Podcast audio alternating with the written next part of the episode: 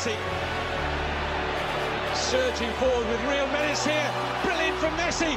Oh, what a goal that is!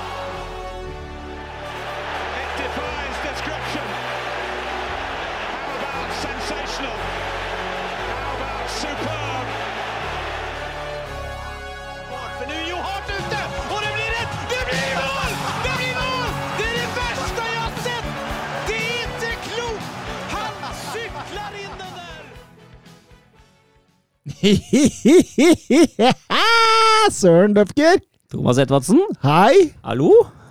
Velkommen til eh, episode 137, eh, Søren Døpker. Tusen takk, tusen takk i like måte. Av det ordinære slaget. Av det ordinære slaget. Vi teller jo ikke de to ekstra sånn enda. Nei, ikke som Juventus. Nei. Nei, nei, nei. Det spørs om vi gjør det når det blir tre. Oi. Ja. Det blir så mange at du tenker at må Ja, Da må vi begynne å telle Ja, de òg. ja. nå glemte jeg å sette noen sånne fine Du, du hadde ikke noen adjektiver i dag, nei? Nei. Nei, det var en, det var en urne intro i en ordinær episode. Ja, ve veldig rar, men han, han var jo veldig rar, for rett før vi tryk trykket på denne record-knappen, så, så dro Mats ut herfra. Ja, han forsvant, han. Han Måtte kom, plutselig hente ungen sin opp i et eller annet fjellheim. Ja, da kommer vel tilbake, han, da. Vi får se når han kommer tilbake, men uh, siden vi spiller inn uh, såpass sent, så kan vi jo ikke sitte og vente på han. Nei, jeg må jo, jeg må jo ta en buss på et eller annet tidspunkt, jeg òg. Du må det. Ned til denne koronabyen. Jeg tror kanskje at uh, hele Norge akkurat nå har koronaland. Ah, kjipe, Ja, Oslo, kjipe Oslo har ganske mye, tror jeg. Ganske mye smitte nå. Kjipe tider. Hi- Litt kjipe tider, ja. Ja. Det skal sies. Det er, ah, det er ikke noe gøy å få enda en runde med tiltak når man på en måte tror at man er ferdig med det, og ja. Ja, nei, det Nei, det var tung beskjed å få de Ja. greiene der, altså. Det, det er ingen tvil om det, men men, men som alt annet, da, så, så må man jo bare komme seg igjennom. ja. Vi får ikke gjort noe annet. Nei, Man må bare gjøre det beste ut av det. Det beste ut av det, og det har vi tenkt å gjøre i dag, i hvert fall ved å spille inn, eh, spille inn en ny episode til våre fantastiske lyttere. Ja, det syns jeg jo absolutt er det beste man kan gjøre ut av det. Ja, jeg husker jo altså podcasten, eh, den surra gikk jo selv under nedstengelsen. eh, Ja, altså vi, fant, vi, vi hadde ikke noen eh, nåværende fotballkamper å se. Da så vi rett og slett på gamle, og det var jo gøy, det. Det var gøy å se litt sånn VM-historisk og fordype seg i det, og se hvordan taktikken og spillet hadde forandret seg i løpet av 30 år. Ja, ja. Altså, eh, var det VM i 1990 til 2002 vi tok? Jeg tror vi kom også ved til 2006, gjorde vi ikke det? Rakk vi ikke Ja, er 2006 også? Litt usikker, litt usikker der. Jeg husker ikke, men det var, det var noe sånt, ja. Ja, Rundt episode 50-60 en eller annen gang, eh, for de Ja. som ønsker å, å høre på Men det. altså, det positive, hvis det skulle komme en ny fotballnedstenging at ingenting går, så har vi fortsatt en del mesterskap å ta av. Ja, ja, vi, vi kjører. Ja, ja, ja. Vi kjører. Men, men, men nå var det jo altså Tottenham har jo hatt utbrudd, hatt noen uts, ja. utsatte kamper. Manchester United senest i dag. Ja, City har vel også litt usikker, lest jeg? Nei, jeg tror eller? den skal gå. Den skal gå? Ja, ja, det er bra. Det er fint. Mm. Men, men eh, dette er jo liksom sånn faretegn, da. Ja, det er jo ikke helt, eh, helt bra, det. Nå får vi håpe at eh, sesongen eh, får, seg en, eh, får seg en fornuftig slutt. Og for, særlig for Tottenham, tenker jeg. De hadde jo en snøkaoskamp mot Burnley også, som ble utsatt. Så det begynner å hope seg litt opp kamper der, altså. De har ikke spilt mye kamper i det siste. Nei, men de kommer jo seinere på et tidspunkt. Det må jo gjøre det. Det blir tøffe tak. Søren, jeg, jeg tror rett og slett vi skal bare hoppe over på noen av disse Twitter-spørsmåla. Ja. Så kan vi si til alle lyttere jo da, jo da, Mats kommer, han. Han kommer inn her eh, når som helst, egentlig. Eh, Skal vi tippe når den kommer? ja, det kan vi gjøre. Vi, vi gjør en liten sånn eh, greie ut av det. Nå er klokka akkurat 20.13. 2013. Hva, når tenker du han kommer tilbake? Han, han er jo ikke akkurat den raskeste Nei. brødkniven i skuffen, da. Jeg, jeg tipper 2035, ja. 2035? Ja. Det, det er ikke så dårlig tippa. Uh, hvis jeg da tipper 2036 Oi, oi, oi. oi. Du, tror, du tror du safer med at han kommer seinere? ja, bare bare, bare safer den der. Ja, ja. Ja, men Det er fint. Da har vi en, eh, en eh, liten greie. Eh, vi, vi kan gå over på noen av disse Twitter-spørsmåla som ikke omhandler det vi egentlig skal snakke om. Og, og eh, en av de som er ute og spør der, er Geir Halvor Kleiva. Hvor mye fotball får dere sett i jula, og hvilke tradisjoner har dere på de forskjellige helligdagene? ja. Det er jo et hyggelig spørsmål, det. Eh, jeg tenker jo at eh, min fotballjul, den starter med boxing day. Da tenker jeg å, å se fotball eh, hele dagen. Og så blir det jo sikkert eh, en del i uken fram mot I romjulsuken fram mot, fram mot nyttårsaften også. Eh, da tenker jeg egentlig å bruke en del på fotball når det er litt sånn roligere tid og man uh, ikke har så mye annet å drive med. Uh, når det kommer til tradisjoner altså, Nå har det endret seg litt for meg etter at jeg flytta til, uh, til Norge, med tanke på at en god del av min familie fortsatt bor i Tyskland. Og nå er det egentlig bare sånn at jeg drar til foreldrene mine på, på julaften. Nå blir det noen dager og har det veldig koselig og trivelig med dem. Mm. Feirer rett og slett jul med foreldrene mine, som Deilig, bor jo i Norge, de òg. deilig. deilig. Det er veldig koselig. Absolutt. Det er, det, det, er vel litt av det samme som meg, faktisk. Altså, jeg eh, eh, bruker å dra hjem til Rjukan. Eh, hjem til mine foreldre. Det skal jeg også denne gang, eh, så sant ikke korona setter andre planer for det. Eh, og der eh, møter jeg jo også en fotballglad far. Så det, så blir mye fotball. Rett og slett. Boxing Day, det tror jeg kommer til å Det er det jeg driver ja. Boksing, det, det er det jeg driver med den dagen. Ja.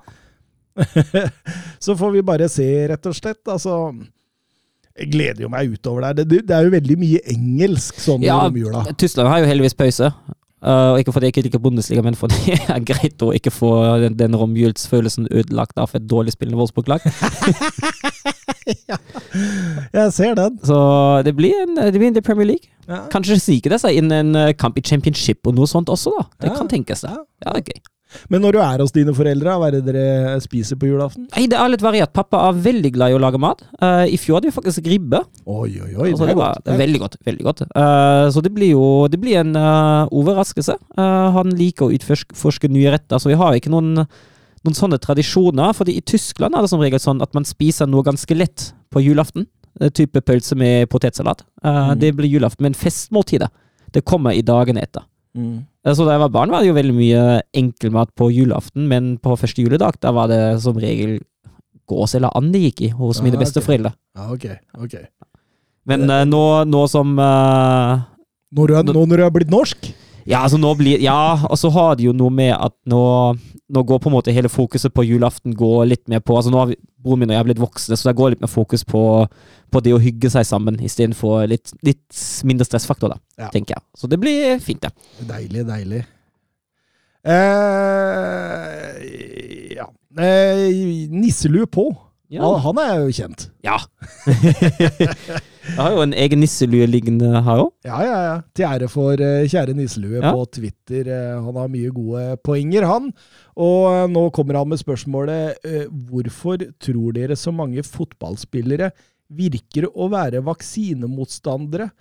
Det er jo allerede flere eksempler på spillere som sliter med lungekapasiteten etter å ha fått viruset. Ja, og det nyeste eksempelet er jo Joshua Kimmich, eh, som først gikk ut og sa at han var veldig skeptisk til eh, langtidsvirkninger. Det har fått en del diskusjoner i Tyskland. Det var jo da jeg var i Tyskland det skjedde, så jeg fulgte veldig godt med på tyske medier på, på den tida, og det kom jo en god del diskusjoner fram og tilbake om den holdningen der. Så havna han, havna han i karantene én gang, så havna han i karantene enda en gang, så fikk han korona, og så nå er han ute minst ut året med tanke på senskade etter korona. Nå har han også gått ut og sagt at uh, ja, nå skal han ta vaksinen. Eh, han blir vel nesten påtvunget også av eh, Bayern München. ja, de var jo ikke særlig blide. Det var jo flere uvaksinerte spillere der. Det var jo eh, var det fire eller fem. Gnabry, Chopomoting, Musiala og Kimmich som Mm. ikke var vaksinert. Men jeg vet ikke om det egentlig, i hvert fall i Tyskland altså Mange tyske fotballigaen gikk vel ut og, i oktober og sa at 94% av spillere og staffer rundt Mm. i, på, i Bundesliga er vaksinerte. Det var litt verre i Premier League, men du hadde jo sånne som eh, Tuchel, blant annet, som Mm. sa det at eh, jeg syns jo det skal være opp til hver enkelt å vaksinere seg. Og i, i den motsatte enden så, så hadde du f.eks. Southgate, som sa det at uh, dette er en tid for å stole på, på fagmenneskene bak dette. Uh, alle bør vaksinere seg. Og, og Kanté var vel også ute i oktober, var det vel der, og var bekymra for uvaksinerte Premier League-spillere. Og Det kan jo godt hende det er litt av det man ser, eh, Ja, ser nå, da. det kan jo faktisk hende. Men så er jo, så er det jo sånn da, Søren, at det, dette er jo toppidrettsutøvere. Mm. Og toppidrettsutøvere de er jo altså på en måte lært fra eh, bunnen av at vær forsiktig med hva du putter i kroppen din. Ja. Så, så, så, ikke sant? Det kan jo ha noe å si. Altså, altså, det er jo en del regionale forskjeller også, tror jeg. Eh, om ikke nasjonale. Altså, Augsburg for eksempel sier at, melder at de har fullvaksinert tropp. Uh, jeg tror i Leipzig, da vi også har opplevd et uh, koronautbrudd, har det vært betydelig verre. Mm. Eh, så ja, det Jeg tror bare Altså, det, det er jo til slutt eh, en gjenspeiling av samfunnet. Det er jo Det, du ser, det man ser i fotballklubber. Jeg tror bare det blir kanskje litt mer framtredende eh, når fotballproffer er så veldig gjennomgående antivaks. Og det er som du sier, det kan faktisk være betydelig verre i Premier League enn det er i Bundesliga. Men på generelt grunnlag, jeg vil i hvert fall si til alle lyttere, vaksiner deg hvis du kan. Støttes. Ja, fordi altså eh, I forhold til tall man ser og sånt nå, Ja. så er det altså Det er en no-brainer så lenge man kan. Og så skjønner jeg de som på en måte har underliggende sykdommer som gjør at det, ok, det kan uh, være uh, en risiko bak å ta vaksina. Ok, jeg skjønner den. Mm. Da må du ta en avgjørelse med legen din, da. Men hvis du kan, kjør på. Jeg er helt enig. Eh, redd liv og redd folk rundt deg, og redd samfunnet, rett og slett. Og det, det, det er alfa og omega. Det er, det er ikke noe å tenke på mer. Kjør! Eh, videre eh, Twitter-spørsmål. Eh, Basha Kroifista. Det er et voldsomt nydelig navn. Ja, ja fint det. Men han spør hvorfor stuper spillere som aldri før med hjerteproblemer etter vaksinene, og Søren Defker, vi er vel ikke akkurat noe legevitenskapspodkast her, men Altså, altså har jeg ikke lagt merke til det, må jeg innrømme. Uh, eneste jeg fikk med, var Aguero. Ja, men det, det har jo vært noen eh, Altså Eriksen i sommer. Ja, ja, ja, selvfølgelig. Men han var, han var ikke vaksinert. Da blir ble det, ble det forkynt. Ja, ok, ok. Mener jeg å huske. Så var det jo noe med U, eh, Graham Hansen her. Ja, hun hadde jo, hun hadde jo trøbbel, hun òg, sant det. Ja. En Obo-spiller, var det vel, fra Var det Sogndal? Ja, islendingen, tror jeg det var. Ja. Og så var det jo litt nå med Det var noe greier med Lindeløf nå òg. Jeg vet ikke, jeg fikk ikke helt taket på hva det var. Ja, altså, altså, det er jo, som du sier, vi er ikke leger. Vi vet jo ikke hva som er årsaken til det heller. Nei, absolutt. Altså, jeg, jeg, jeg tenker jo det at um, Altså det, du du veit jo ikke engang om dette har med vaksinering å gjøre. Nei, ikke ikke, så Det altså, og, og vi kan ikke sitte her på vår høye hest og tro at uh, dette er kunnskap vi kan, vi kan sitte og komme med. Altså, vi, er, vi er dyktige, men så dyktige er vi ikke, Søren Døfti. er ikke vårt fagfelt i det hele tatt. Eh, Men eh, vi veit jo det at eh, fotballspillere gjenspeiler samfunnet, og eh, det betyr også det at eh, fotballspillere er medfødt med hjerteproblemer. Ja, og det altså, er jo, det er jo, det, det er jo flere triste eksempler uh, på fotballspillere som har falt om på fotballbanen og rett og slett dødd. Uh, Hvem- Hvem er den eh, mest markante som du husker? jeg, jeg husker mest Miklos Feher. Men det er fordi den, den, gikk, den, gikk jo, den gikk jo live på TV. At han fikk det gule kortet, og så falt han om, og så sto det fortsatt Blir det sendt inn den grafikken. Uh, gult kort, og så kommer det en medspiller og bare går vekk og gråter. Den, den, var, den var sterk, syns jeg. Og så Mm. husker jeg også veldig godt Map via, via Foe. Ja, han kameruneren. Ja. Ja, Mm. de, to, de to husker jeg mest, men jeg tror det var Feher som gjorde mest inntrykk på meg. Ja. Jeg var jo sånn 13-14, så Ja, det, det, det er tungt å se på det. Jeg fikk jo litt gufs av det i sommerens EM. mm, Ja, veldig. Selv om det heldigvis gikk bra med Christian Eriksen. Ja. og det, det, virker jo nærmest som at han ja, han driver vel og trener med, med hjem... Ja, og det er jo kjempefint. Altså, men altså, som sagt, jeg tenker, det jeg sa jo i sommer òg, at alt annet, altså om han kommer tilbake på banen eller ikke, altså det får i så fall være en bonus. At han kom fra det uten langtidsskader, det er det, er det aller, aller, aller viktigste. Og det tror jeg han er veldig enig i. Mm, mm. En ting jeg ikke hadde fått med meg, som jeg faktisk googla fram i dag, det er jo at han sjeik Tioté Ja, døde av hjerteinfarkt på fotballbanen. ja det, ja. Ja, Gamle Newcastle uh, ja. ja han, ja. ja, ja. Så det, det, det, det skjer jo. Men uh, Ja, så, så var det han, eh, han Fiorentina-kaptein som, som døde på et hotellrom, tror jeg. Ja, ja, stemmer, ja. Ja. Han stå, stopperen, ja. Ja. Astori. Ja, ja, ja, sant det. Ja. Mm. Ja da. Nei, det, sånt skjer.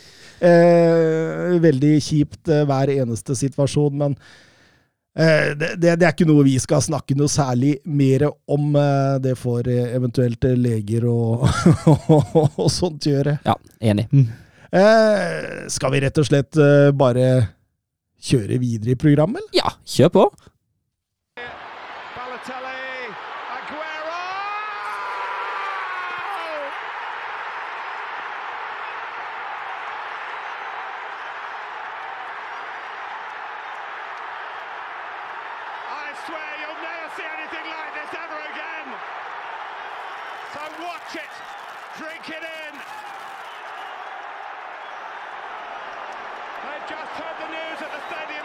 Ja, og vi skal selvfølgelig til eh, den vakre Premier League, til Balløya, og vi begynner selvfølgelig med- Manchester City sitt oppgjør mot Wolverhampton. Og det var det Wolverhampton, det søren, med én en eneste plan. Hold stengt bakover, og helst kontre inn en scoring. Ja, og det, det var tydelig fra, fra start til slutt. eh, Og den kontringen skulle jo gå mest via Adama Traoré. Eh, mens bakover det blir jo City blir jo møtt med en veldig tett 5-3-2-blokk. Ja, de gjør det. Um, og City dominerer jo som vanlig. Um, og det er igjen Nå har vi jo snakka om det så mange ganger, men det er jo en, igjen en kamp der jeg tenker Hvis City hadde hatt sin midtspiss, så hadde dette ha vært avgjort mye, mye tidligere. Den, Eh. den, den der går igjen. Ja, den, den går igjen. Fordi altså, jeg syns jo City uh, altså, City er jo ikke noe, ikke noe dårlig. Cancelo imponerer selv om han spiller på, på feil side. Altså, alt av det som blir farlig, er jo innom Cancelo. Mm. Det er jo uh, imponerende. Og så trer han, uh, trer han meget gode pasninger i det rommet mellom, mellom back og, eh, og ytterste stopper. Men så stopper det deg. Mm. Den siste, den siste veien inn, den klarer Wolves å, å blokkere og sabotere hele tida. Ja. Ja, absolutt. absolutt. Og så er, det, så er det lenge siden jeg har sett eh, City med det der vanlige angrepsmønsteret hvor de dytter ut til side og kommer på løp inn Mm. på bakerste, og enten dytter den ut igjen eller går på mål. Ja. Eh, så det blir veldig mye innlegg mot en target-spiss som ikke er der. Ikke sant, ja. Og, og, og det, det, det, det gagna jo Wolverhampton i denne kampen. De, altså, de lå jo smalt, som du sier, i 5-3-2, eh, og så er de veldig gode med Conor Cody og co. der i boks, i duellspillet, som gjør at det, altså, det, det blir ikke sånn voldsomt mange sjanser. Nei, det blir ikke det. Det blir veldig mye nesten. Som sagt, den siste pasningen. Den, eh, den siste, siste lille. Den, eh, den mangla hos City. Og, og, og, dette drar jo seg utover hele første omgang, og du ser mange av City-spillere begynner å bli frustrert og sånt. og så og så skjer det noe med Rahul Himinez. ja, eh, vi hadde jo en liten diskusjon i, eh, i chatgruppa. Um, han um, Jeg syns jo det er Altså, eh, det var Moss som var dommer, ikke sant? Jonathan Moss. Ja, uh, han, han begynner jo å slenge litt rundt seg med gullkort. Jeg syns allerede den mot, uh, mot Rodri, uh, noen minutter før, uh, før Jimenez, er ganske billig. Så du tror liksom han kompenserte den siden det var Jimenez? Jeg vet ikke om han kompenserte, men jeg tror han har lagt seg på en linje han ikke, ikke, ikke sjøl burde ha lagt seg på. da. Ikke i en sånn kamp. Det, det første, det som det var vel Cancelo som fikk det, det var helt greit. Ja. Jeg syns det fra Rodri til Rodri var allerede litt strengt. Det første til, uh, til Jimenez var jo på ingen måte et gult kort. Eh, det, det, det er så langt fra. ja, det, men, altså, men det andre det har jo Jimenez også seg sjøl å takke for. Det, det sa jo også Mats i, i chatten, og jeg er jo enig med ham. Altså, når du nettopp har fått gult kort, da holder du deg unna det deg. Mm. Det er bare idiotisk. Helt, eh, helt enig, men uh, tror du han hadde utvist Rodri vice versa? Jeg veit ikke. Eh, altså, kan du se for deg at Jonathan Moss ikke, ikke, ikke på City-sida, men måtte i så fall være på Molyneux. Ja. Jeg, jeg, jeg kan liksom ikke jeg, jeg klarer ikke bare å se Nei, det for nei meg. altså, det er jo litt sånn med det, med det bonuset som man har som stort lag når man møter et lite lag. Ja, det, det ligger jo fortsatt der. 31 sekunder tok det mellom gult kort nummer én og gult kort nummer to. Og, Ja.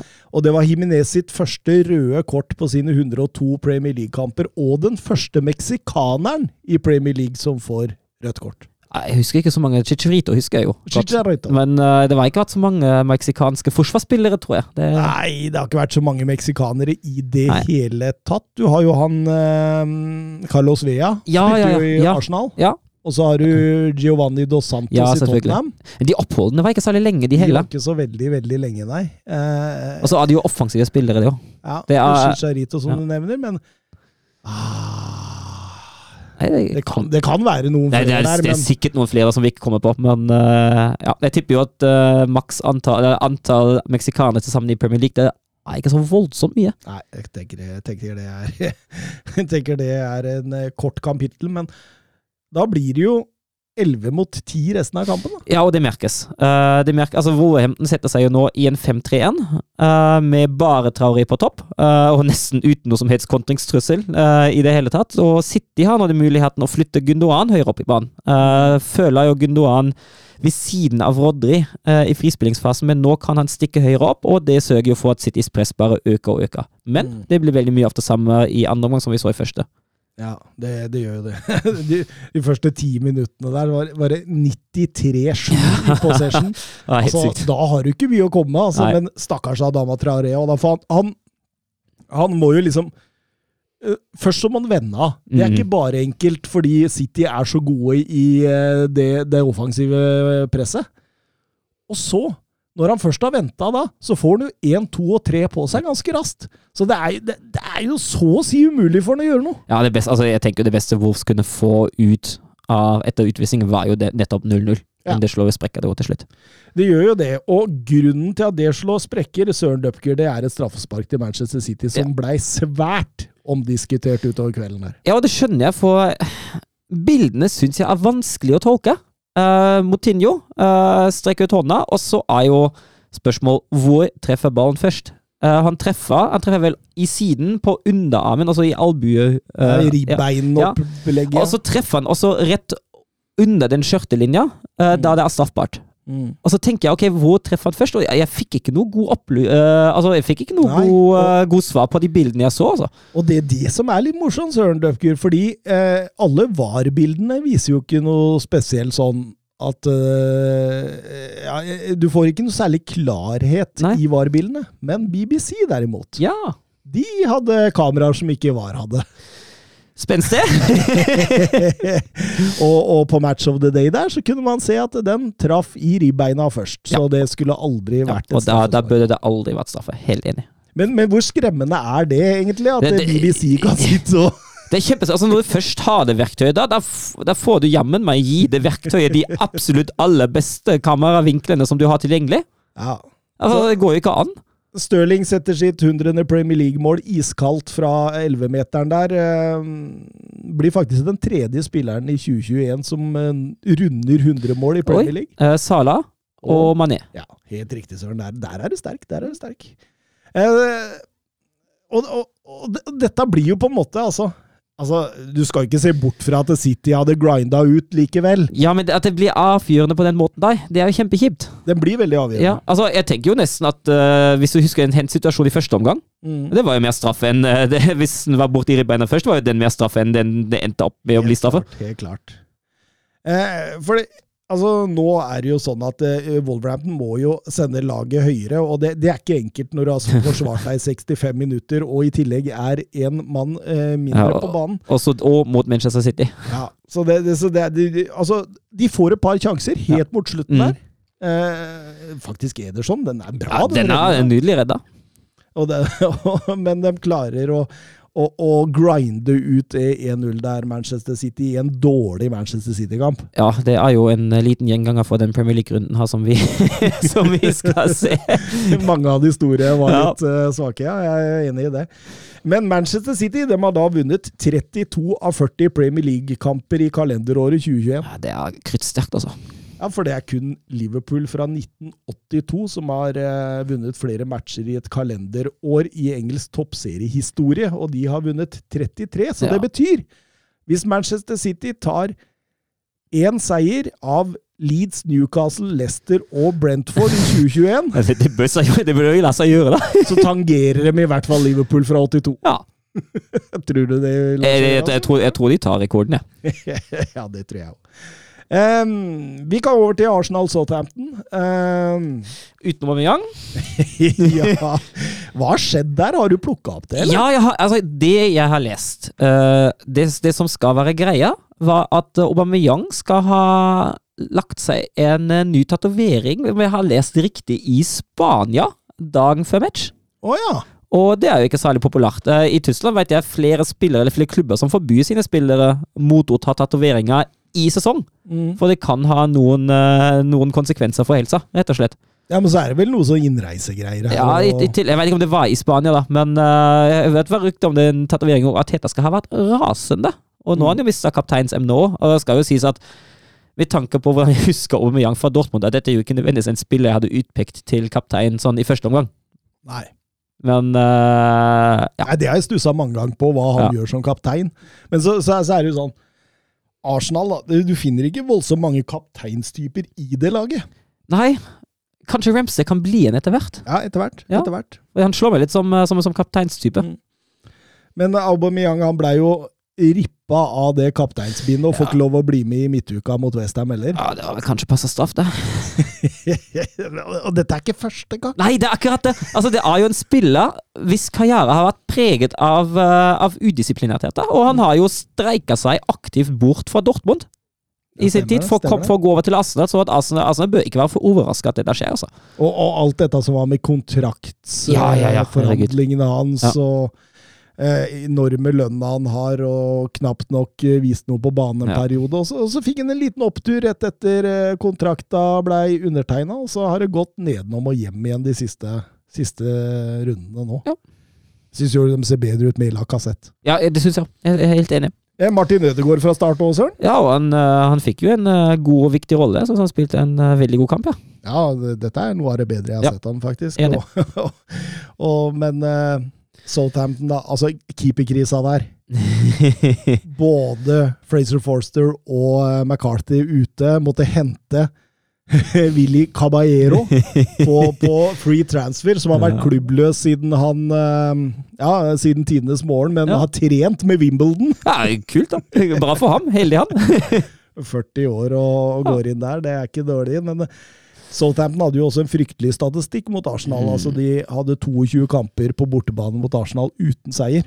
Ja, og den skulle bli forlenget, den. Den skulle bli forlenget fordi eh, Altså, jeg syns Southampton kommer godt ut. Ja, helt enig. Jeg syns, Southampton- altså, jeg syns Arsenal starter aller best de første minuttene, og så tar Southampton uh, mer og mer over. Uh, Hasenhuttel-presset Ja, begynner ikke- ja, å sitte litt. ja, uh, men så snart Arsenal finner ut av hvordan de skal spille after presset deg, da er jo Southampton uh, lost. Ikke inn sentralt, men ut på sidene. Ja, uh, Ut på siden så kommer jo Ødegaard møtende hele tida, uh, og så sender man alltid ut på Tomiasso, Og Tomiasso har da to muligheter. Så kan spille Ødegaard avansere der, eller så kan vende ut mot Tjerni, eller ut mot venstre, uh, og til, i syvende i siste konsekvens ut mot Tierney, som stikker Mm. høyt i banen. Ja. Og da skapes det, skapes det muligheter. Han velger jo ofte den, den veien ut til høyre, uh, via Ødegaard, og da avanserer Arsenal og det, det klarer ikke Southampton å justere seg etter. Nå er klokka 20.36, Søren. Åh, Så jeg vant den allerede. ja, ja. Nå kan Mats komme når som helst. Jeg har vunnet. 1-0 til meg, Søren. Vi Ah. skriver opp på veggen. Den var kjedelig. Ja, men jeg er helt enig, og, og, og det er jo mye der det skjer på høyresida, der med Saka i, Mm. i, i enden der. Eh, flott 1-0-mål med Lacassette der. Den bygger helt opp fra Ramsdale. Ja, det er, det er, det er, så- det er sånn klassisk AC-mål fra gamle dager, føler jeg. Eh, Mm. Gamle og gamle dager, men Ja, eh, ja, du skjønner hva jeg mener. Jeg. Eh, og fint angrepsspill, fint spilt av press, og da blir det tøft for Southampton å, å henge etter. Og så beit jeg meg også merke i den 2-0-skåringa til Ødegaard at vi har jo snakket litt om den, eh, om den eh, donut of sadness, som, som den ene Ja, ja, ja. ene YouTube-kanalen likte å kalle det. Og nå har altså faktisk klart å, å besette de sonene som de vanligvis slår i, men ikke besetter. Mm. Og det ser jo nå mye bedre ut, da. Så når de det. klarer å gjøre det på den måten. at Tierney- bevegelser i kampen har vært, har vært gode. Og det er jo også han som, eh, som blir avfyrende. Ja, voldsomt klønete der i forkant. der. Han først bommer på ballen, og så blir det at han legger den til rette Ja. for seg sjøl. Og så, og så i, i eh, blokka, og så header han tilbake inn til Ødegaard, som header i mål. Og, Ja. og Ødegaard med tredje skåringa på tre kamper. Det, Ja. det, det er voldsomt. Kanskje det er han som blir kaptein på Arsenal? det, det går jo litt rykter nå hele veien. Kaptein på Norge og Arsenal? Det, må jo være Det det må jo være ligge et eller annet i, da. Ja, det må jo være stort i så fall. Eh, men, men, men samtidig da, så er det sånn, det er alltid en vei tilbake for Southampton, følger du. Fordi altså De slurver ofte i frispillingsfasen. Se der, ja! Der har vi Mats Granvold! 2038. Ja, jeg bomma med to minutter, og du med tre. Ja. Vi hadde konkurranser, skjønner du, Mats, om når du kom tilbake igjen. Ok, Var jeg som vant. Så da er det ett poeng til deg der, da. Ett poeng til meg. Jeg legger det på på det resultattipset. Liksom. Ja, du, treng, du trenger det. Eh, det gikk bra, ja. Det, ja, det gikk, jo, gikk jo ganske fort, dette. Ja, det var ikke så gærent, det. Nei da, nei da. Sånn er det når du ikke klarer å planlegge. Guttungen fikk slapp å sove i slalåmbakken. ja. Han bor bestefaren hans rett ved, da, så han kunne ha gått dit. Ja. Det var greit å få han hjem. Ja, det var det. Ja. Vi, er, eh, vi er midt i Arsenal Southampton. Ja, Er det da 2-0, eller? Er det, Ja, vi, er, vi er på 2-0. Du entra scenen når Ødegaard gjorde det. Oi. Mm. Ja. Nei, for etter det gikk det jo bra. Ja, ja, ja, ja altså Arsenal har, gjør jo egentlig en god kamp, men det er noen sånne fail traps her som Mm. kunne gjort at den kunne gått andre veien. Og særlig den frispillingsfasen da, som de sleit voldsomt med i til tider. Arsenal? Ja. Men 1-0-gålen der, da. Det er strålende. Det er, det er frispillingsfasen sin, det. Ja. Det er det vi snakka om når de, når de fant ut av det at de skulle ikke frispille inn sentralt, men heller ut på sidene, så ble det mye bedre. Ja. Eh, Gabriel setter jo 3-0 ut i annen omgang der. Og, og da, da blir det jo en transportetappe. Og da er jo Arsenal mye nærmere ny scoring enn uh, Southampton. Ja, absolutt. Absolutt. Eh, den små hugg som Ramsdale klarer å avverge. Ramsdale, altså. Han Ja, har, jeg har blitt god, altså. jeg kan ikke skjønne noen ting, jeg, hvis eh, han uh, spiller annenfiolin i VM i, Taka, i Qatar nå. Ja, Hvem er bedre enn han, da? Ja, det er det jeg mener. At uh, det er veldig rart om Pickford, selv om Pickford har jo ikke spilt seg ut av det engelske landslaget, men det Ramsdale leverer nå, er jo Det er jo altså Det er jo topp. Mm. Ja, det er topp. Eh, vi går over til eh, Chelsea mot Leeds. Eh, voldsomt mye skader i Leeds. Eh, hadde Bielsa får virkelig kjørt seg nå og testa troppen sin. Begynte å kave litt nede der, Mats. Men han har en Rafinha. Han har en Rafinha. Rafinha setter 1-0 ganske tidlig på straffespark. Nei, det var etter 27 minutter, faktisk. Ja.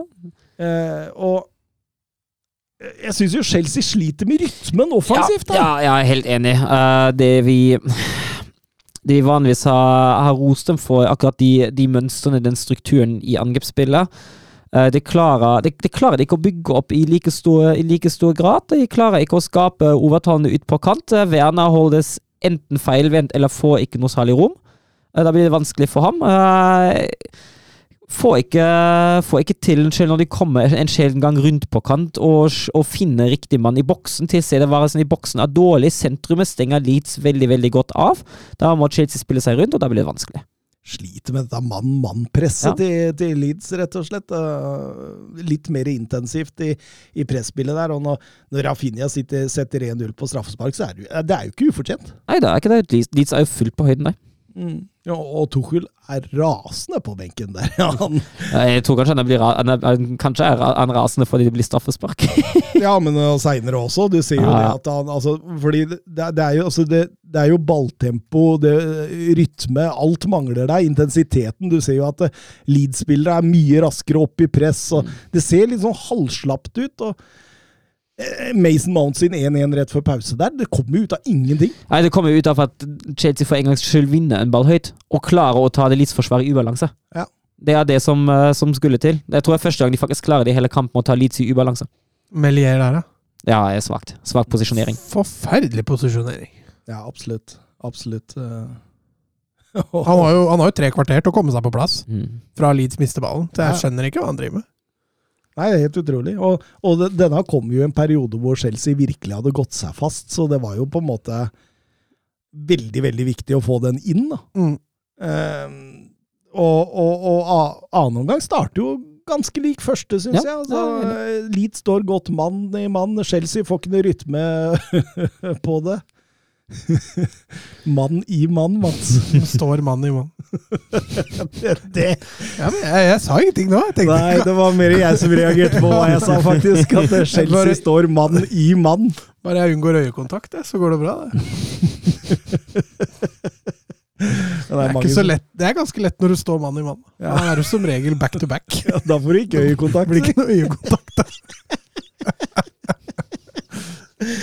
Eh, Men, eh, men eh, likevel, det blir et straffespark. Rafinha der, veldig han- er litt sånn uforståelig til at det blir straffespark.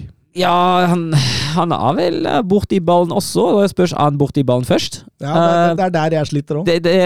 Igjen, altså, det er vanskelig å se, men jeg har en mistanke om at han kanskje var borti ballen først. ja. Ja, Men altså, samtidig er det jo en risikabel måte å gå inn i, i egen boks. da. Det skal jo sies. Men det jeg reagerer på, det, det er jo det at dommeren eh, vinker jo egentlig Rodiger opp igjen. Ja, ja, det er jo det. Det er jo ikke en Så det er jo VAR Ja. som går inn her. Og det, det betyr at de ser det som en clear and obvious. Ja, og Og det, det er det jo ikke! Nei, jeg er helt enig. Det er det ikke. Altså, jeg tenker at Hvis han hadde blåst, hvis han hadde blåst først, da den kunne forsvares. Ja. Det er helt fair. Ja, Men at den òg skal ut på skjerm og sjekke, jeg er helt enig. Det er ikke clear and obvious. Og da hoppestraffer jo Jorginho inn eh, 2-1, og, og Chelsea har på dette tidspunktet fått mye ut av en dårlig kamp. Altså. Ja. Mm. Og Leeds har fått lite ut av en god kamp. Ja, absolutt. Eh, fullt på høyde, om ikke bedre. Og, Mm. og jeg syns også Leeds svarer bra etter 2-1 der. En trøkker til og vinner dueller, stormer Mm. framover. Mange gode kombinasjoner. Blir mye nesten, men, men, men, men Rafinha, altså vi har snakka mye om han. Klarer Leeds å beholde han noe særlig lenger nå? Ja, Det kan jo selvfølgelig selge han veldig dyrt, da. Uh, han har jo bare økt den markedsverdien ganske kraftig, egentlig. Så ja, nei, vi får se. Jeg tror han, uh, jeg tror han kan gå dyrt. Det er mange lag som trenger en Rafinha, Søren. Ja, det, han, uh, han gjør mange Premier League-lag bedre. Ja, absolutt. Ja, ikke bare Premier League, faktisk. Ja, Barcelona-lag òg. Ja, Men der er mange på Leeds som hadde forsterka det laget. Så. Er en av dem Joe Gellhart, fordi han satte 2-2 Vi trenger en målskårer, da. Det er det jo ingen tvil om. Så kan hende han hadde forsterka òg. Joe Gellhart som ble henta på opphørssalg fra, fra Wiggen sommeren 2020 der. Eh, synes han var god mot Spurs eh, også, så åpenbart en, eh, en friskus, dette. Eh, setter eh, fint eh, 2-2 der, og blir den første tenåringen med Premier League-mål for Leeds siden James Milner i april 2004. Har vel ikke Leeds vært i Premier League i mellomtida omtrent, så Nei, det er ikke det- så rart. Men tenåring, altså. Tenåring, det betyr bare under 20. Ja ja, men de har jo bare to sesonger fra den tida til nå, da, så Nei, det er ikke så, det er ikke så Det er ikke så imponerende, Ikke så egentlig. fantastisk. Ser veldig fantastisk ut når Oppda skriver det. Eh, og, og, og da tror man jo egentlig, Søren, at Leeds kan komme ut av dette med noe. Ja, og det hadde jo vært, som du var inne på, fullt fortjent, men så er det overtida. Rudiger igjen. Rudiger igjen i en duell, og den duellen skulle bli skjebnesvanger, den. Den er mer straffe. Ja, da, altså, da, da er Klirr klønete. Mm. Da går han i foten. Da treffer han foten og sparker vekk foten. At Rudiger tar imot en invitasjon, det hadde ingenting å si på. Som trener, Mats. mm. Hvis du hadde ligget an til 2-2 mot et av de absolutt største topplagene, og du var sånn ganske langt nede der, og så går man mot, eh, godt over i overtida, så tar den ene midtbanespilleren din feilvendt motstanderens midtstopper på helt på kanten av 16-meteren når du ligger i etablert forsvar. Hva hadde du sagt til han etter kampen?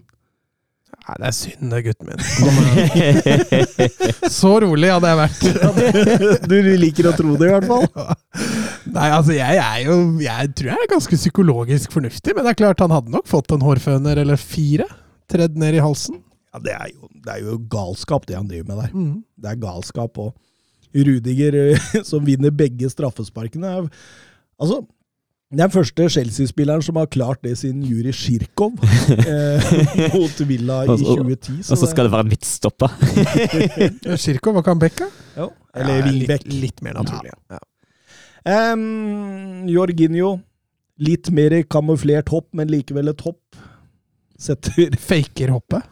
faker hoppet, og 88% av Jorginhos Premier League-mål har Har vært straffespark.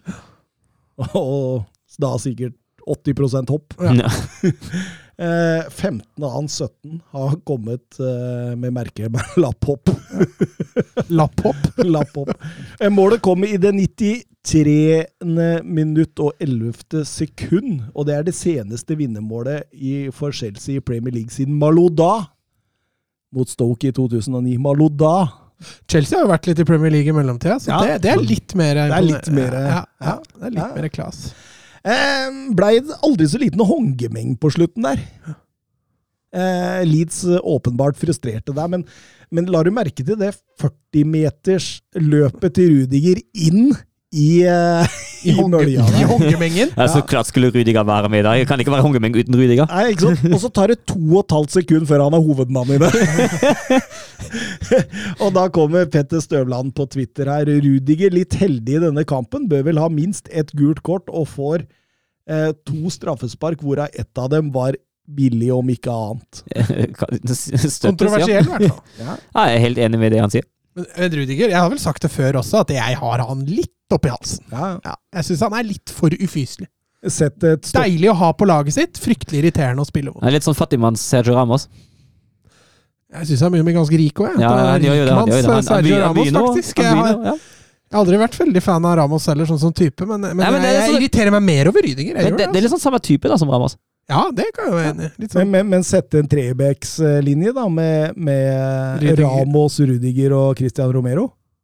Ja. Ja, ja, ja, der har du asshole, asshole back, back three. PP spiller fortsatt. ja, Men Pepe har roa seg veldig. Han det, ja. Ja, han Ja, ja. er ikke så ille lenger. Han blir gammel, da. Han, har å bli, ja, han henger ikke med lenger. Chelsea har sluppet inn åtte mål eh, på tre kamper i alle turneringer eh, de siste tre kampene, og det er like mange som de foregående 18. Ja, og det viser altså Det er jo noen bekymringsverdige tegn der hos, eh, hos Chelsea om dagen. eh, både, både offensivt og defensivt. Og drakk jeg. Ja. Du måtte holdt setningen. Nei, fordi jeg, jeg, jeg, jeg, syns eh, jeg syns den offensive strukturen ikke har kommet like godt fram de siste kampene. Har vi snakka om eh, forrige runde òg. Det er klart når det blir flere baklengs nå også i tillegg. Ja, det er kanskje litt å jobbe med. To baklengs i én kamp. Så er det litt utskiftninger baki der fra kamp til Mm. kamp, og, og Mendy har vel ikke vært like vass nå som han var i starten av sesongen, så det, det er jo noen, noen uh, piler ned her òg, selv om de, de drar seieren i land. Eh, Vi kan gå over til Liverpool mot Aston Villa og den fortapte sønn Steven Gerrard tilbake på Anfield eh, til varm eh, mottagelse. Ja, det skulle bare mangle. Du prøvde å dra i gang noen sånn felles sang der, som bare ble plutselig overskygga het. Hørte du det? Ja, ja, ja. Det var Før kampen var det bra mottagelse, etter kampen, og så underveis så prøvde noen. Ja. Mm. Men da ble det overskygga. Da prøvde de å Nei, nei, nei, så skal vi ikke ha noe. Men eh, for en legende, da. Og du, du, du merka Klopp etterpå og sa det at jeg ville vært veldig glad om det var Steven Gerrard som tok eh, over for meg når jeg var ferdig i Liverpool en gang. Eh, artig, artig, men ikke den beste kampen Liverpool har spilt. Nei, de, uh, Gerrard har jo funnet en, eh, en god tilnærming til det her, uh, syns jeg. Uh, han, uh, han tetter jo sentrum fullstendig.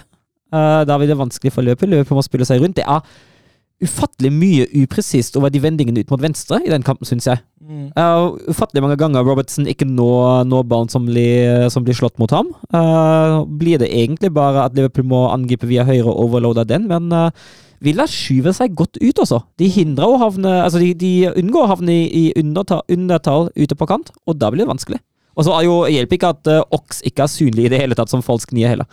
Nei, absolutt. Uh, Oxlade Chamberlain han falt helt igjennom der, men det Villa gjør bra her, det er at eh, de faller ikke for den der eh, gegenpresset. Mm. Altså, fordi de er så dyktige i den første og andre pasningen etter at Liverpool har mista ball. Mm.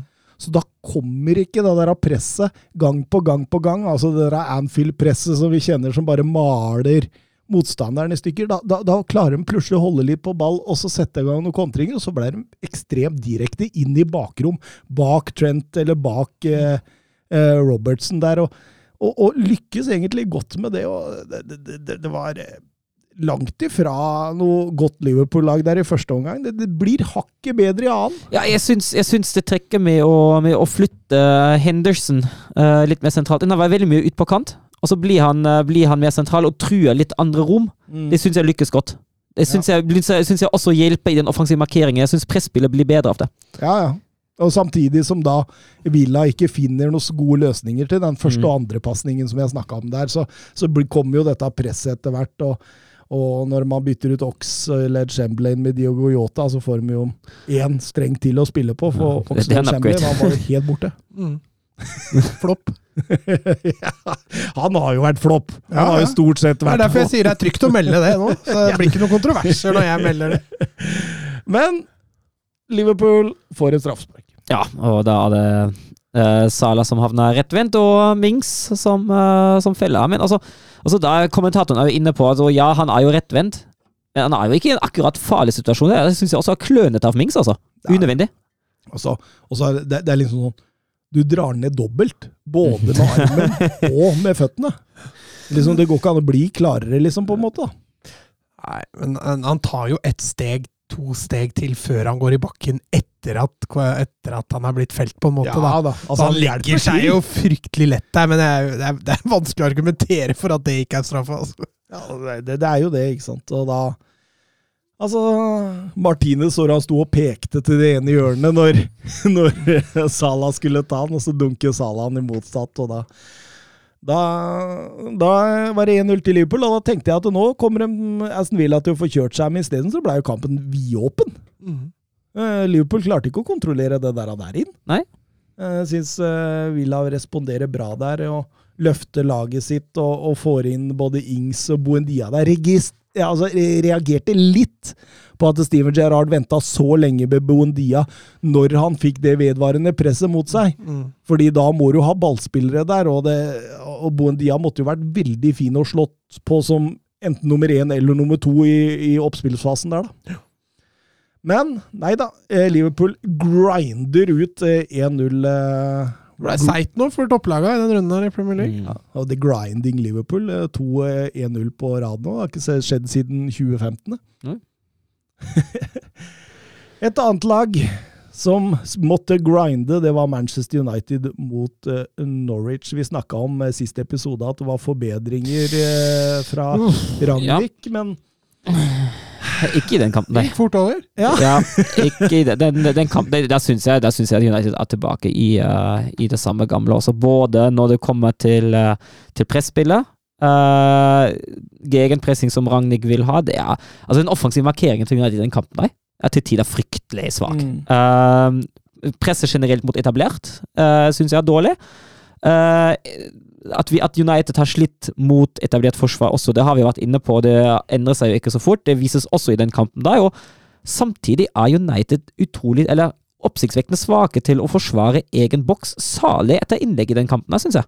Ja, så det, det var mye som ikke gikk eh, veien. Altså, eh, og, og, og hvis man kan si at de til en viss grad klarte å kontrollere kampen mot en antatt bedre motstander i Palace forrige runde, Mm.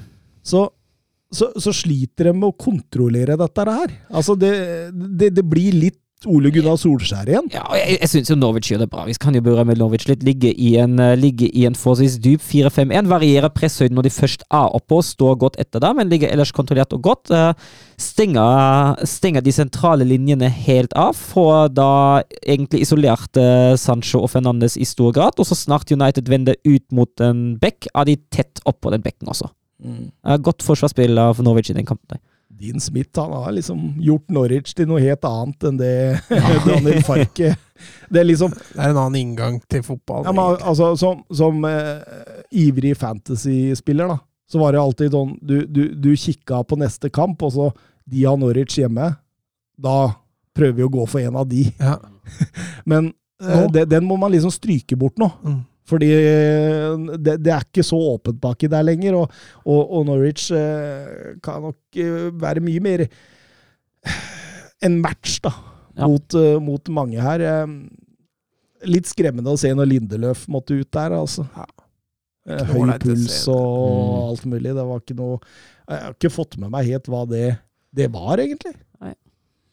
Nå er det jo kommet en covid inn i, inn i laget der, så nå ble jo avlyst kampen i dag. Eller Sånn, utsatt.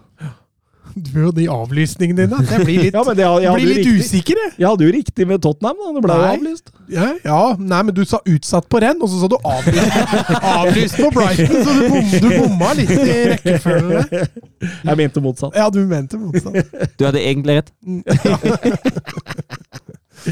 Eh, Har det blitt noe dom, eller? Er Tottenham ute? Jeg har ikke forstått at det ikke, ikke skulle være det. Du bryr deg ikke, si. Nei, egentlig ikke. Egentlig ikke. Uh, Jeg ser i, i, ehm, i uh, På siden til Uefa der, så står det R- uh, Vitesse skråstrek Tottenham. Ja. Så det er ikke avgjort hvem av de to som er videre. Altså. det blir spennende å se, men egentlig kunne jeg ikke brydd meg, for å være helt ærlig. Uh, straffespark til Manchester United, det måtte jo bli det. ja. Eh, Ronaldo inn i, i en duell med Max Aarons der. Og ganske mild, Mm. egentlig, altså. Den der, der syns jeg er altså eh, Med tanke på alt det andre som skjer rundt omkring i, i boks, så plutselig der skal vi ta den. Kan jo, kan jo spørre oss også om den hadde blitt blåst omvendt. Det hadde jo ikke det. Ikke sant? Hadde Maguire hengt sånn sånn over Pukki Blitt sånn konspirasjonspod, vi. Nei, men det er, jo, det er jo tydelig at de store lagene får, får del eh, til tider. For eksempel, vi drev og snakka om da, før du kom. Hadde Rodri fått to gule på samme måte som Jimenez gjorde? Nei det, det er, nei, det er vanskelig å si, ja. Men eh, eh, greia da er jo at eh, de beste laga er jo oftere i boksen enn de dårligste laga. Ja. Sånn at det da oftere kan bli en litt sånn shady situasjon som du blir dømt for. Det, det tror jeg. Men Manchester United var ikke oftere i boksen enn Norwich i denne kampen. Nei, det var et dårlig eksempel. Det var jæklig dårlig timing på eksempelet der, men eh, sånn som de andre storlag, da, type Real Madrid og Bayern München ja. og, Og, og den ser Ja, og, hvis, hvis og der ser, nevnte jeg ikke ja. Barcelona, men jeg og hvis, hvis, du ser den City-kampen også, for å slå byen til den, der, da var det jo tre situasjoner der City ville ha straffespark. Så fikk de på, på den som var minst. ja, Nå er dere sikkert ferdig med å diskutere City, men han bommer jo på alt der. da. Ja.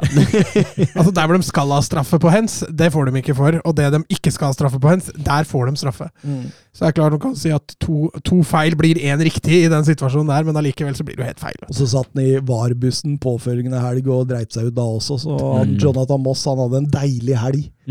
Han hadde en deilig helg. Eh, Men eh, likevel, da, selv om Ronaldo setter eh, straffesparket hardt i det ene hjørnet og, og Krul går motsatt, så, så, så, så har Norwich noe mot slutten der. ja, og Sali etter dødball, og De Gea han blir jo redningsmann for United igjen, han. Og, og, og Bailly. og Bailly. Ja. Men DG, altså, det er sånn han står nå. Jeg lurer på hvor de hadde vært uten han. Tenker på tabellen. Ja, Ikke i nærheten av topp fire. Ikke i nærheten, nei. Kabak har jo et par gigantiske der. Og, Den ene hadde vel blitt annullert, hadde den ikke ja, det? det kunne ha blitt, i hvert fall. Eh, men United vinner eh, 0-1, eh, for så vidt greit. Har ikke sluppet inn mål etter at uh, Ragnhild kom. Nei. Men det, i den kampen var det ikke nødvendigvis eh, Ragnhilds feil. Han er nå alene De greier å takke for. Ja, Ralf Ragnhild han er den eh, andre manageren i Manchester United sin historie som har holdt buret rent i sine to første kamper i ligaen. Den eh, første var Ernest Magnall i 1903. Ja, det husker jeg. Det var, eh, Så godt over 100 år siden, det der. der. Akkurat hadde United hatt veldig mange managere. Ferguson hadde vel 50 år på rad der, hadde han ikke det? Eh, ingen spillere har skåret flere vinnermål i Premier League denne sesongen enn Ronaldo, eh, likt med Bernardo Silva. Fire ganger matchvinner. Det, da får du jo litt valuta for pengene, Mats. Ja, det er jo er sterkt, det. Eh, Det er klart han har jo tatt noen straffer, men eh, Ronaldo har vist seg å være, være gull verdt så langt. Så får vi se da hvor lenge han holder i dette Ragnhild-systemet. Han er jo han er jo signalspiller nummer én i det toppresset til Ragnhild. Og det, det, du ser jo det at nå funka det ikke. Og det er jo, var jo en grunn. Men det er litt morsomt å se. Han prøver! Han prøver! Ja, Han har et par hundre prosent i, i press der. ja og ja, men han har fin gjenvinning der òg. Tar et ordentlig saft, saftig returløp. Ja, da, han prøver. Eh, Ronaldo er også den tredje spilleren i klubbens historie som har skåret mål for tre ulike managere i løpet av kun én sesong. Han har skåret for både Solskjær, Carrick og Ragnhild nå, og de to andre må man tilbake på 1920-tallet for å finne. Det er ikke så ofte en klubb sitter med tre managere i løpet av en sesong, men, men det var gøy. Ja. Det var gøy. Um, vi kan også ta med at um, Nei, Jonathan Hobber har et spørsmål. Uh, to steg frem og ett tilbake for ManU. Ja. Ja. Ja. Hva var det? Ett steg frem og to tilbake? Eller to frem To og frem og ett tilbake. Han tenker på under Ragnhild, da. Ja, ja. Men jeg føler de er tilbake igjen til start, jeg. Da blir det jo Ja, det to, to- fram og to, to- to. tilbake, da. ja, det kan du godt si. Ja, nei, jeg syns ikke dette var bra. Nei, overhodet ikke. Eh, de har litt flyt som gjør at, ikke dem, eh, altså, gjør at de vinner den kampen der. Eh, Men samtidig så har vi snakka om at dette, også, det tar tid å innarbeide dette presspillet her, så det kommer til å variere. det kommer til å ta dritlang tid hvis han skal kjøre Ronaldo som signalspiller. Det, det er ikke gjort på en måned, nei. Det er helt riktig. Eh, Men eh, heldigvis for United da, så er jo kampprogrammet ekstremt godt timet. De møter jo ikke en uh... Nei, det har vi vært innom. ja, Det juleprogrammet deres det er forholdsvis uh, hyggelig.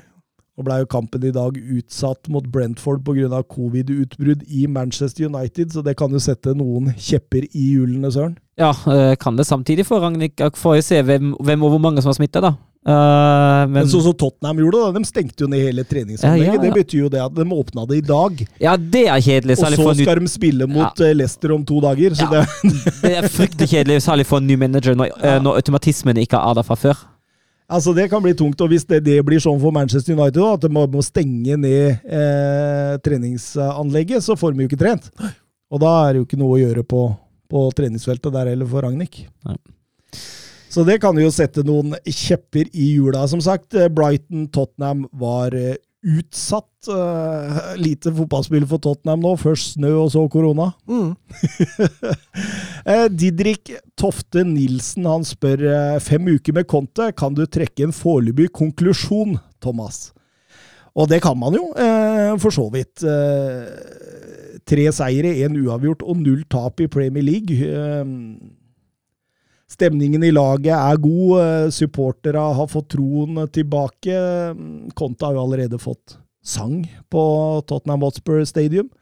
Eh, han har fått det ekstremt tøft med skader og, og korona, så til tross for dette så peker alle barometere oppover. Både mer solid defensivt, eh, høyere XG i laget generelt og på enkeltspillere. Det stiger jo for hver eneste kamp. eh, Så ekstremt solid start, men fortsatt variable under kampene. Altså, de har ikke fått den der Contes soliditeten over seg helt enda, men jeg er helt overbevist om at, eh, at dette er en eh, ekstremt god ansettelse av Levi, og kanskje den smarteste avgjørelsen han har gjort siden han ansatte Pochettino i 2014.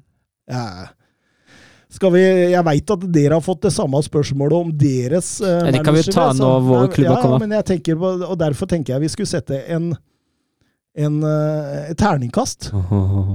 Og da, og da blir min en femmer. Hadde det vært seier mot, mot eh, Everton der, borte, så, og, og at man ikke gikk på den der lille tabba mot mura hvor uh, Da venta på det. Ja, ja, men altså, det er, det, altså Man spilte jo ikke sine beste og sånt, så det, det, det er greit, men, eh, Så altså hadde det blitt sekser, men det, det, dette ser lovende ut, så jeg, jeg gir den en femmer.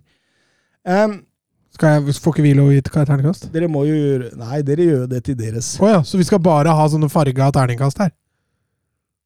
Farga eller ikke farga, det spiller ingen rolle. Det, det, dere må, du må jo avgjøre. Jo, men du er jo supporter av Tottenham. Ja. Vi er jo ikke det. Ja, ok, det er okay. gi terningkast Sånn at du får en okay. nøytral terning. Ja, okay. ja, ok, ok. Var det jeg mente med ikke farga. Men, men, men spørsmålet var jo tilegna meg. Oh, ja, ok. Nei, men da dropper vi det. Da tar du det. Nei, nei, men kjør, Ja, det jeg kan tar fire. Terningkast fire. Fem i hånden. Å, det er deilig, Dupker. Deilig! Farga nå er blitt for mye Tottenham. Det er for mye Tottenham-prat i den podkasten. Ikke nå for tida, for nå spiller de mye fotball. Eh, Martin Hjort Bjørklund han spør eh, Dere ser jo mye ball i ulike ligaer. Hvor mye dårligere er VAR i Premier League enn resten av Europa?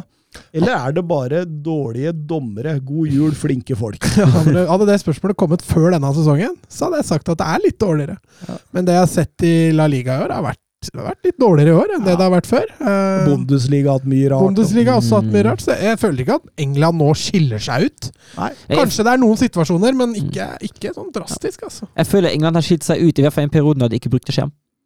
Ja, men det har jo begynt å komme litt Ja, mer ja, ja, og det, da- altså, nå var jo den skjermbruken mot, uh, mot Chelsea feil, men uh, jeg syns jo det er at den uh, Når du først bruker den, så bruker de feil. Ja, også, men jeg, jeg syns jo, jeg synes jo det er lurt at de har begynt med det. Samtidig skal man jo ikke glemme at England begynte med hva et helt år seinere enn de fleste andre. Uh, så det tar jo litt lengre tid å spille seg inn. Men, Ja, men samtidig, det er ganske jevnt nå. Ja, jeg- jeg- jeg- jeg- syns kanskje Serie A det er der det fungerer best. ja, jeg er enig med Mats, altså. Det er A, det.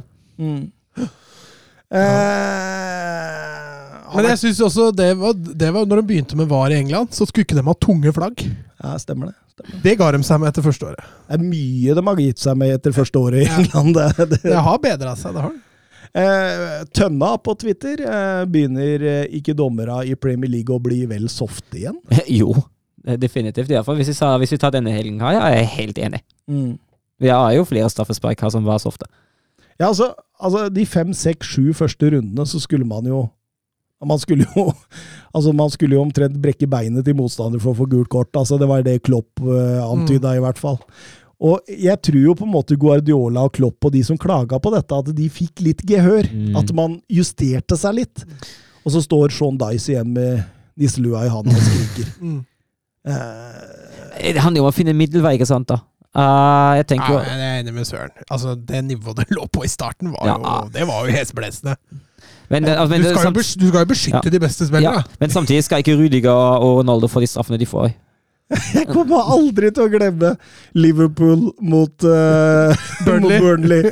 Når Klopp er inne i intervjusonen der og, og slakter dette greiene her. Og sier at det er altfor hardt nå. Og så kommer Sean Dyche to minutter etterpå og bare Det er altfor mildt ennå. Det må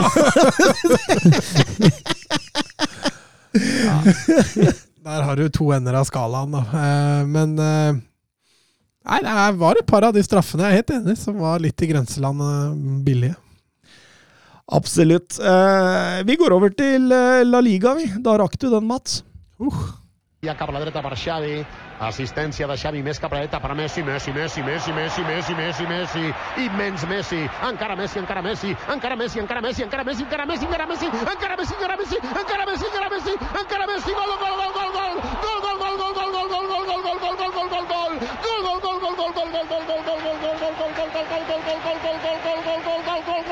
Og det første oppgjøret vi skal til der, er Atletic Athletic Club mot uh, Sevilla, og det var de to laga i La Liga som slipper inn færrest mål. Og da tenkte jeg at dette, dette blir underholdning, tenkte jeg. Men det blei jo ikke så halvgærent sånn. Nei, det blei litt underholdning. Eh, nå har jo Atletic fått fryktelig dårlig betalt da, eh, de siste eh, ti rundene, egentlig. Altså, de brenner så mye store sjanser. Altså, de trenger ti store sjanser for å skåre ett mål.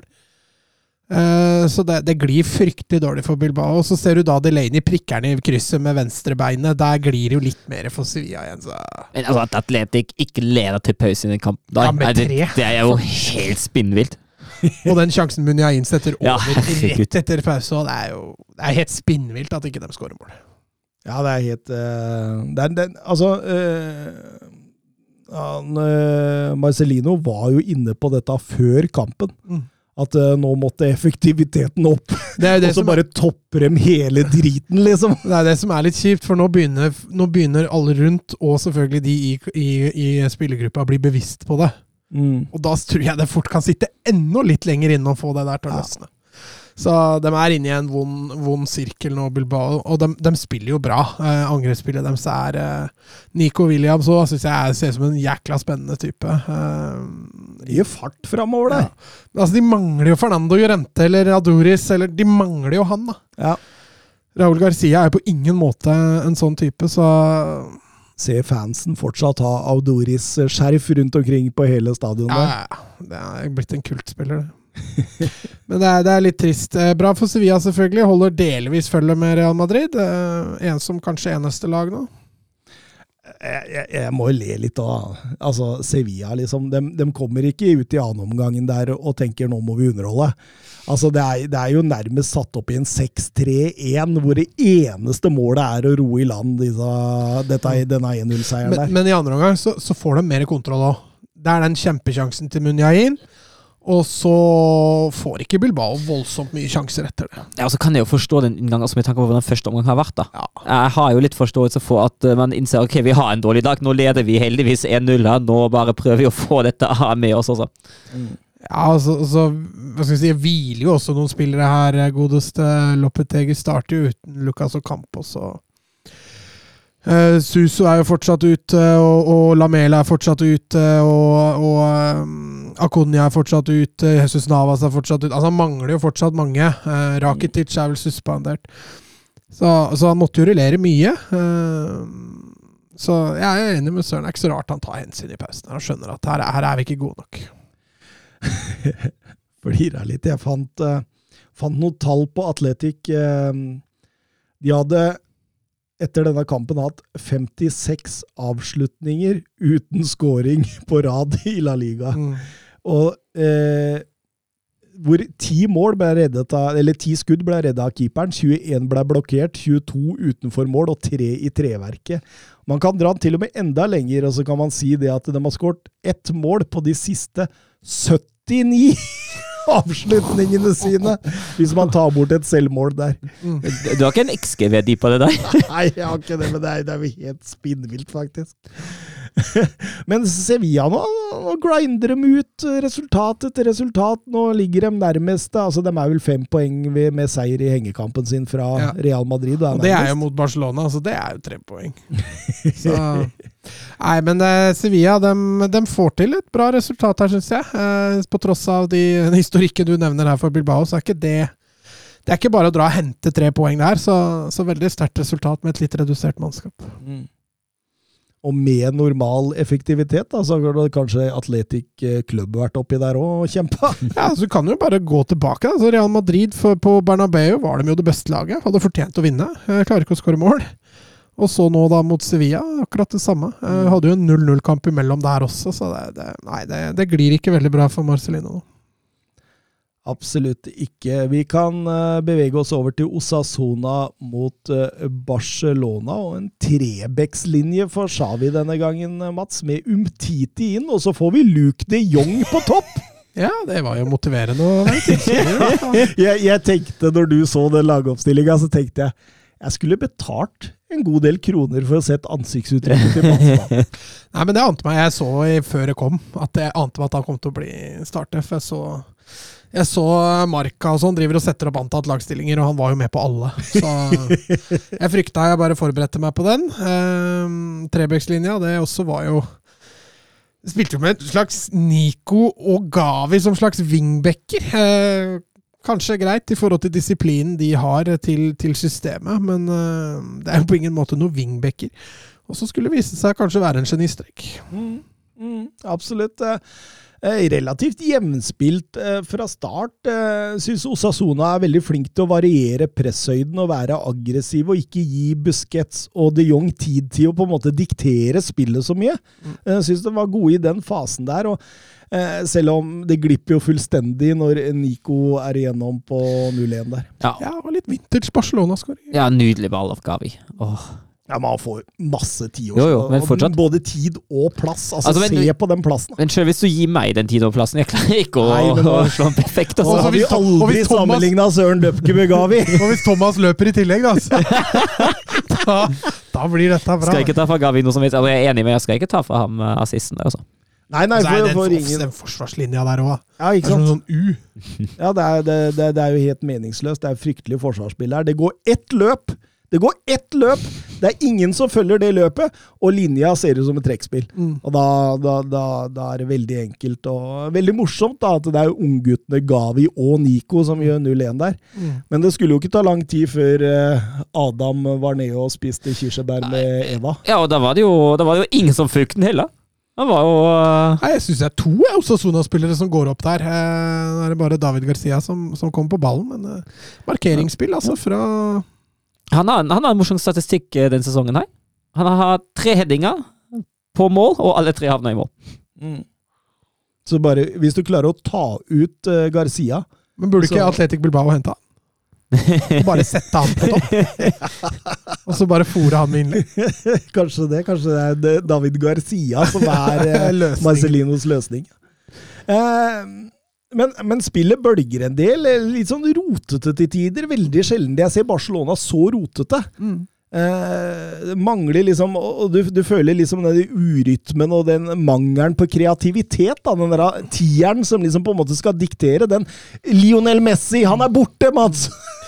Ja, og så syns jeg Barca det har vært lenge nå. De er utrolig dårlige til å håndtere høyt aggressivt press. De sliter gang på gang med å frispille seg, og når de først endelig greier å få ballen gjennom et pressledd, så flytter man ikke eh, hele laget høyere. Så ender man opp med en støttepasning, og så er man akkurat der hvor man var i stad.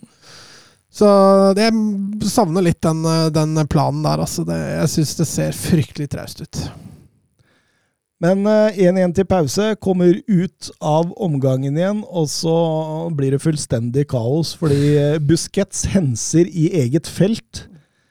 Barcelona rett opp. Setter mål med Sassoli.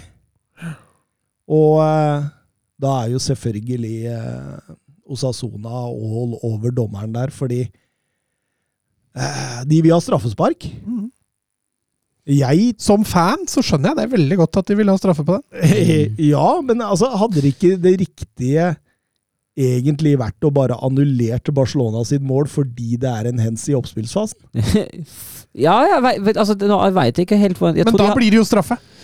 Ja, for ja, men, nei, men du har Ja. Nei, men du har den der i Premier League, Ja. vet du. Den der at du kan annullere et mål som er en hens. Det bør ikke være en straffbar hens engang. Det er bare Nei. han er borti handa. Men de har, jeg vet at de har gått uh, men Jeg har- har lest at de har gått litt tilbake på, på hvor nært i oppspillsfasen de må ha funnet sted. Nå er det Ja, men dette her er jo bare sju-åtte sekunder før ballen sitter i mål. Men jeg antar at det er den geografiske avstanden som er problemet der. Det er, det, er ikke, det er ikke tidsavstanden her, det er den geografiske avstanden. Tipper det.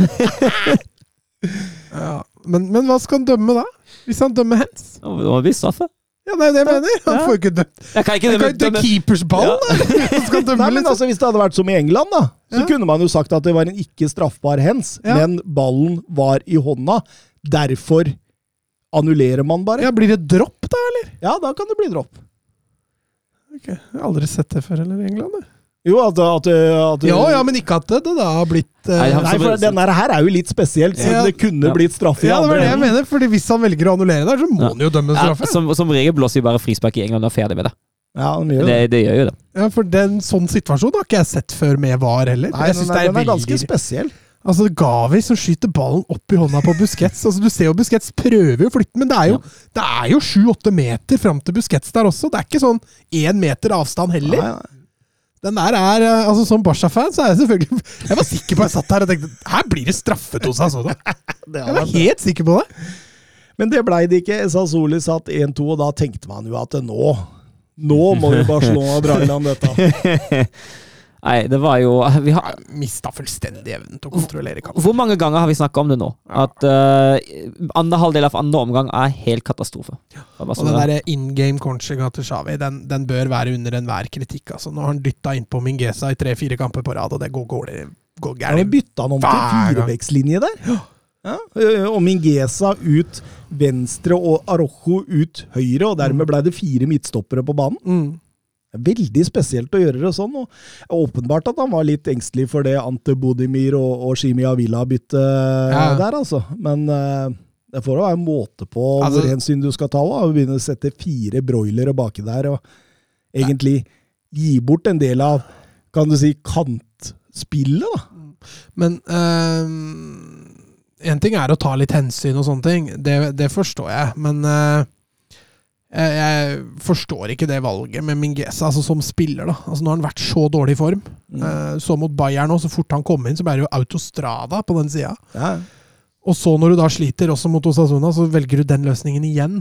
Da går det an å stille litt spørsmålstegn ved Det er vel en av de svakere midtstoppera jeg har sett i en eh, antatt toppklubb. Eh, Oscar Mingueza, altså. Jeg, sier, jeg har ikke latt meg Nei, men han, han, altså jeg er jo, han er jo egenutvikla. Altså jeg- det er ikke sånn at jeg har lyst til å gi opp håpet helt ennå, men nei, den formen han er i nå, den, den er grusom. Og da begynne å, å skal justere etter han, det, det føler jeg det, det blir feil. altså.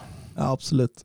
Og, og det gjør jo at Osasona Ja, altså de, de, de eh, ser nesten farligst ut der, og, Mm. og, og, får jo egentlig en ganske tjent eh, u- Fortjent utvikling Utvikling, ikke utvikling.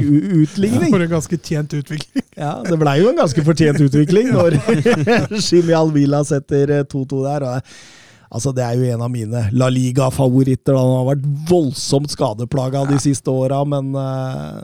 Han har dessverre det. Han er jo en sånn liten kultfigur, uh, og hjelper jo veldig på den statusen nå, med skåringa der, sånn. Selv om han går via en Barca-spiller, så er det jo veldig bra satt med masse folk foran mål, så jeg, jeg satt ikke med en følelse av det. Jeg satt med en følelse av at det var helt, helt greit. Det var fortjent at Osasona fikk med seg noe fra den kampen. smeller innpå 22 år gamle Ferran Jutkla der Mm. eh, mot slutten. Eh, så også han skårte i dag i treningskamp mot Boca Juniors. Hva er det for en treningskamp man har sett opp nå? Ja, det kan du lure på. Jeg har også satt og tenkt litt på at dette er en god idé. Nå sliter laget maks, så hvorfor ikke kjøre en treningskamp i Dubai? Og så får vi matcha gutta litt sånn nå i et eh, ganske tøft desembermåned. Søren spurte meg er, er en Diego Maradona testimonial, dette Ja, det er Diego Maradona Cup, har de kalt det. Det er jo Oi. Boca Juniors mot Barcelona, da, så det er ingen flere i den cupen. Så Daniel Eh, Alves spilte Ja, jeg lurer litt på om det var en og eneste grunnen ja, til at de har gjort dette her. Og så tjener penger, da. Jeg regner med de legger Ja, ja, til eh, Dubai for å få litt cash. Men uh, at Alves får litt matchtrening, det tror jeg var et viktig argument for å gjennomføre den kampen. Nå er det jo bare én kamp igjen før, før La Liga tar ferie, men uh, jeg skjønner meg ikke på altså, spille en kamp i Dubai i en sånn midtuke. Nei, jeg i korona og alt. Kunne man ikke ha gjort det uka etter den siste runde i La Liga, da? Jo, jo, brukt som en oppkjøring til Ja, Ja. det er jeg helt enig i. Ja, det hadde vært mye mer fornuftig. Sånn, hvis du tenker sportslig, da. Mm. Kan vi lure på etikken i den. Ja, det, Men eh, selv om det blei kun 2-2, så, så er det klart eh, de slipper inn to mål med en XG imot på 0,46. Så det, det, du hører jo med til sjeldenheten akkurat det, da. Det, det skal jo ikke la seg gjøre. Nei da, det, det gjør ikke det. Men, jeg- men jeg syns Sasona er De er Altså, det, det er liksom litt løver over dem. Det, dette har Barcelona slitt med nå egentlig hel, hele sesongen. Eh, kanskje litt sånn ekstremt nå under Xavi, syns jeg. At de, de lar seg veldig påvirke av det. Og det Osasuna syns jeg utnytter det bra. Mm. Så må Barcelona også ta med seg det at de fikk skåringer av Nico og Essasoli, to U20-spillere. Så det har ikke skjedd for Barcelona siden årtusenskiftet. Det er en ny generasjon på gang, Søren, og, Ja. og allerede etablerte unggutter som eh, Fati, Arajo og Pedri inn i miksen der. Så det er, det, er, det, er, det er jo mulig å løfte dette opp med en ny generasjon. ja, definitivt. Og det er jo kanskje den veien Barcelona også må gå nå. Jeg syns jo også SSOI var, han var frisk. Altså, Jeg syns litt synd på ham i noen perioder i den kampen. For han, han ville mye, han prøvde mye, og så var det ingen bevegelse. Så han endte bare opp med å miste ballen på kant. Og så er han det som Mats etterlyser. Han kan dra av en mann, gå av en mann og skape ubalanse. Han syns han ser strålende ut. Mye bedre enn han Akomak.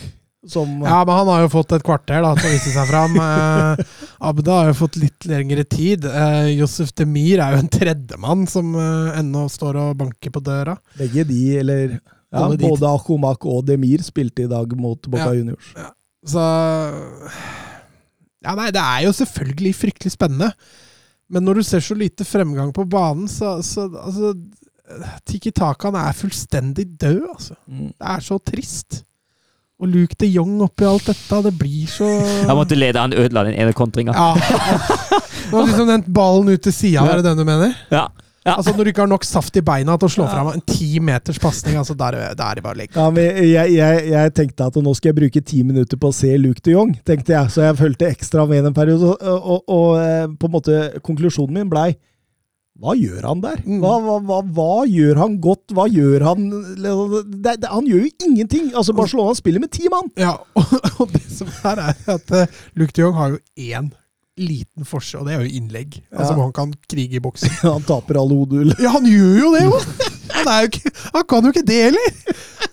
Og når Basha da i tillegg slår så få innlegg, hva er poenget? Kan man ikke spille med ti mann, da? Så, Ja, ja, ikke sant? så kan vi i hvert fall forholde oss til det. Det, det tror jeg er en spiller som Koman gjerne ville ha, altså. Med tanke på hvor glad han var i ham som nederlandsk landslagstrener også. Ja, Koman var nok eh, langflateteren. Ja, men han satt jo mye på benken med Koma nå. Jeg, jeg, jeg skjønner, Men det, det må jo sitte no Sitter ikke én oppegående type i det styrerommet, eller? Er det, sitter, det er sikkert United-styret som sitter der nede òg. De har sendt styret sitt til Manchester Ja. City, det som ga dem suksess. Og så har de tatt over Manchester United-styret post Alex Ferguson. Det er gode, gode valg, det der. Nei, det er fryktelig slitsomt. Og det er eh, Nei, det er, det er ikke slitsomt, det er trist. Er Det er trist. Det er, det er ikke gleden igjen å gå og se Tiki Taka-fotball i Barcelona. Det er den Nei, det er fryktelig trist. Snart er Blackburn Rovers oppe i Premier League, og da Ja, der er det Tiki Taka, skjønner du. Det her er ikke mye Tiki Taka. Det er 3-4-3 og, og høyt, nei, høyt press. Ja, det er det heller ikke. eh, Didrik Tofte Nilsen, fem uker med Shawi nå. Kan du trekke en foreløpig konklusjon, Mats? Nei. Nei, jeg kan ikke. Og jeg, det er fordi jeg venter og håper på at dette skal gå bra. Eh, har vel spilt seks kamper nå under Xavi, og fasiten er vel 2-2-2. Ja. Så det har jo ikke vært superbra. De starta jo greit med to seier og en uavgjort. og Etter det så har jeg ikke vunnet på de eh, tre neste. Tap mot Bayern, tap mot Betis og uavgjort nå mot Osasona. Og så kommer hjemme mot Elche nå til helga, så hvis ikke det blir seier der, da, da blir dette slitsomt. Men eh, hvis vi skal se litt på hvordan Barca har fremstått, da, så syns jeg de har sett litt bedre organisert ut defensivt. Eh, så lenge Mingueza ikke har vært på banen, så, så har det sett greit ut. Eh, offensivt syns jeg det er, det, er, det er tungt å se på Barcelona. Altså. Det er ikke noe Søren uh, nevnte det jo i stad med, S- med Abde. Når han har ball og skal utfordre, så er det ingenting som skjer rundt. Og det, er- det er det du sitter igjen med med Barcelona. Altså, det blir enkeltmannsprestasjoner hele veien. Så offensivt der, har, der må Shawi jobbe fryktelig mye altså, for å få innarbeida noen gode bevegelsesmønstre og, og en tydeligere identitet. For nå, nå er det veldig langt fram. Ja.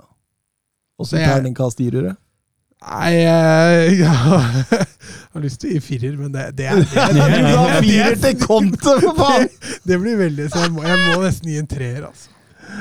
Å, er ikke noe én én dårligere enn Conte, altså. Ja, jeg gir treer jeg òg, men jeg gir til femmer, da. Ja, ja det, det, jeg gir nok en treer, jeg òg, men det er Altså, jeg kunne ikke gitt Altså, jeg måtte ha hatt to bak Conte. Mm. Altså, det er, han er jo tydeligvis farga av terningen sin, han der. Det var jo derfor jeg ville ha andre til å bedømme nå. Men jeg Ja, men var, vi ikke, jo enige med jeg det. var ikke farga likevel, jeg, så. så det var jo greit. Men uh, den Bayern-matchen òg. Altså, du føler Bayern spiller på 80% på sitt Mm. meste. Ja. Og de, har full kontroll. Ja, ja. Så, Absolutt. Så langt fram har Barcelona til toppen av Europa.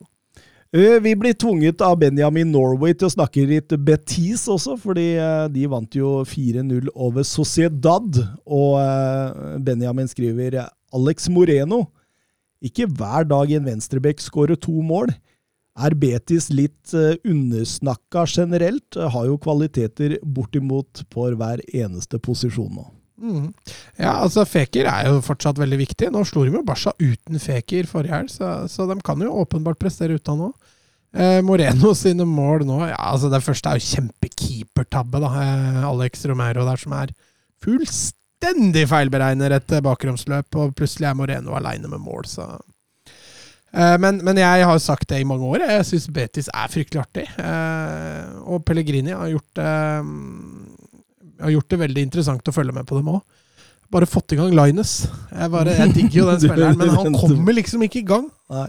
Og det er litt trist. Men eh, å se Betis Sociedad, det er ikke noe problem for meg. det. Og jeg blei veldig imponert over eh, Betis. Og det at han har fått i gang Juanmi, det er også en veldig spennende spiller. Altså. Men, men eh, hvis du ser på XG-en her, så vinner faktisk eh, Sociedad knepent den. Ja, men den brant to ordentlig feite sånn Altså Den ene der tror jeg hadde en XG på 1,2. altså. Der burde han ha skåret to mål. Så uh, mye av den XG-en er nok på den ene sjansen. altså.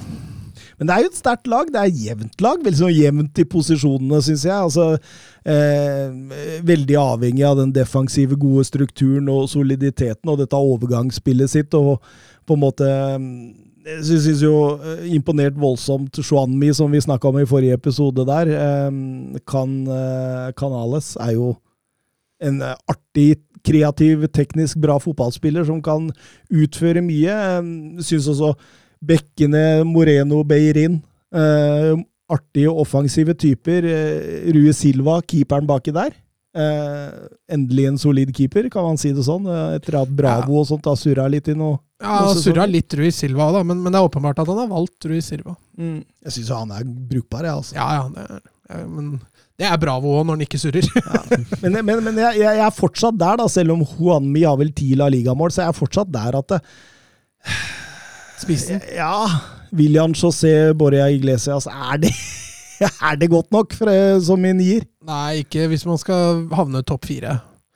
Du trenger en spiss som scorer. Ja, ja, nå har de som sier da, Juanmi, men eh, men de har også bra, bra bredde i laget. altså De kan få en skade på stoppeplass, for de har Aisa Mandi som kan Mm. troppe inn der. De har William Carvalho, som egentlig er litt overraska har spilt så lite som han har gjort, for det er egentlig en klassespiller. Eh, Rodri, som har vært bra. Uh, og så har du også to gode erstattere på bekkene i, i, i Montoya og Miranda, tidligere Barca-spillere. Og Theo kan nevne. Joaquin bør nevne. Ja, så det er de spillere der hele veien. Ja, ja, det er en bra bredde i den troppen. Artig spillertropp. Og så er det litt morsomt å se hvordan laget har utvikla seg fra Kikiset igjen til Pellegrini.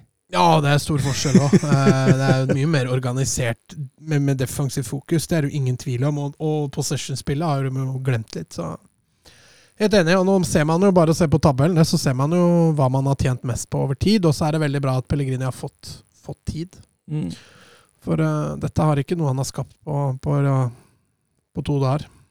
Du har Dupkers. eh, Koser du deg med Betis? Ja. Det er morsomt. Altså, grønne og hvite, det liker jeg. Og så er, så er det et grønt og hvitt lag som vinner fotballkamper, da. Det, det var noe nytt. Herregud. Jeg har ikke sett det på lenge. Jo, HamKam, da. Hovedkampen vår eh, Madrid-derby, det skulle være gøy. Det 228. møte totalt. Eh, Real Madrid har vært ganske overlegne der i den historiske sammenhengen. Eh, mye jevnere i nyere tid, riktignok, selv om eh, Real Madrid også leder den statistikken eh, relativt greit, med 17 mot 13 på de siste 40. Eh, men sist Atletico Madrid vant til La Liga mot Real Madrid, må man helt tilbake til 15-16-sesongen. Eh, etter mål av Grismann. Da vant med 1-0 på Santiago Bernabeu. Eh, tilsvarende sist sesong 2-0 til Real Madrid etter skåringer av Casemiro og et selvmål av Jan Oblak, og det husker vi. Ja, det er uheldig, det. Ja, ja. Eh, noe ved lagene, gutta, før vi setter i gang? Jeg kan jo starte med, med Real. Da var Ascencio eh, tilbake på høyrekant uh, etter at Rodrigo fikk tilliten mot Inter og Benzema. Han ble frisk, og han var i startelveren på spissplassen. Ellers var det vel uh, som forventa det, deg. ja. Ja, eh, Atletico gikk jo ut i en sånn eh, Det må ha blitt en fem. Det var litt så skeivt. Ja, det var veldig skeivt. Carasco var veldig offensiv. Jorente, Jorente skulle liksom spille høyreback og Hermoso som en slags venstreback, mens Condogbia og Filipe skulle spille stoppere. Um, eh, også Suárez starta på benken, så ikke noe sånn voldsomt overraskninger der. Kanskje Trippier burde vært inne på banen. Mm, kanskje det, kanskje det.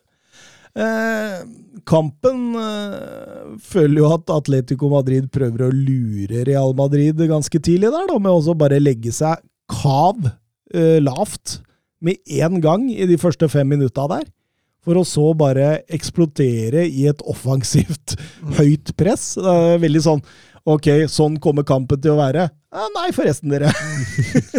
Men, men jeg syns jo Atletico eh, har gjort litt hjemmelekse når de har sett de to forrige kampene til Real Madrid på Bernabeu mot Bilbao og, og Sevilla. For der har du hatt to lag som ikke har vært så redde for å presse høyt, og det har jo fungert bra.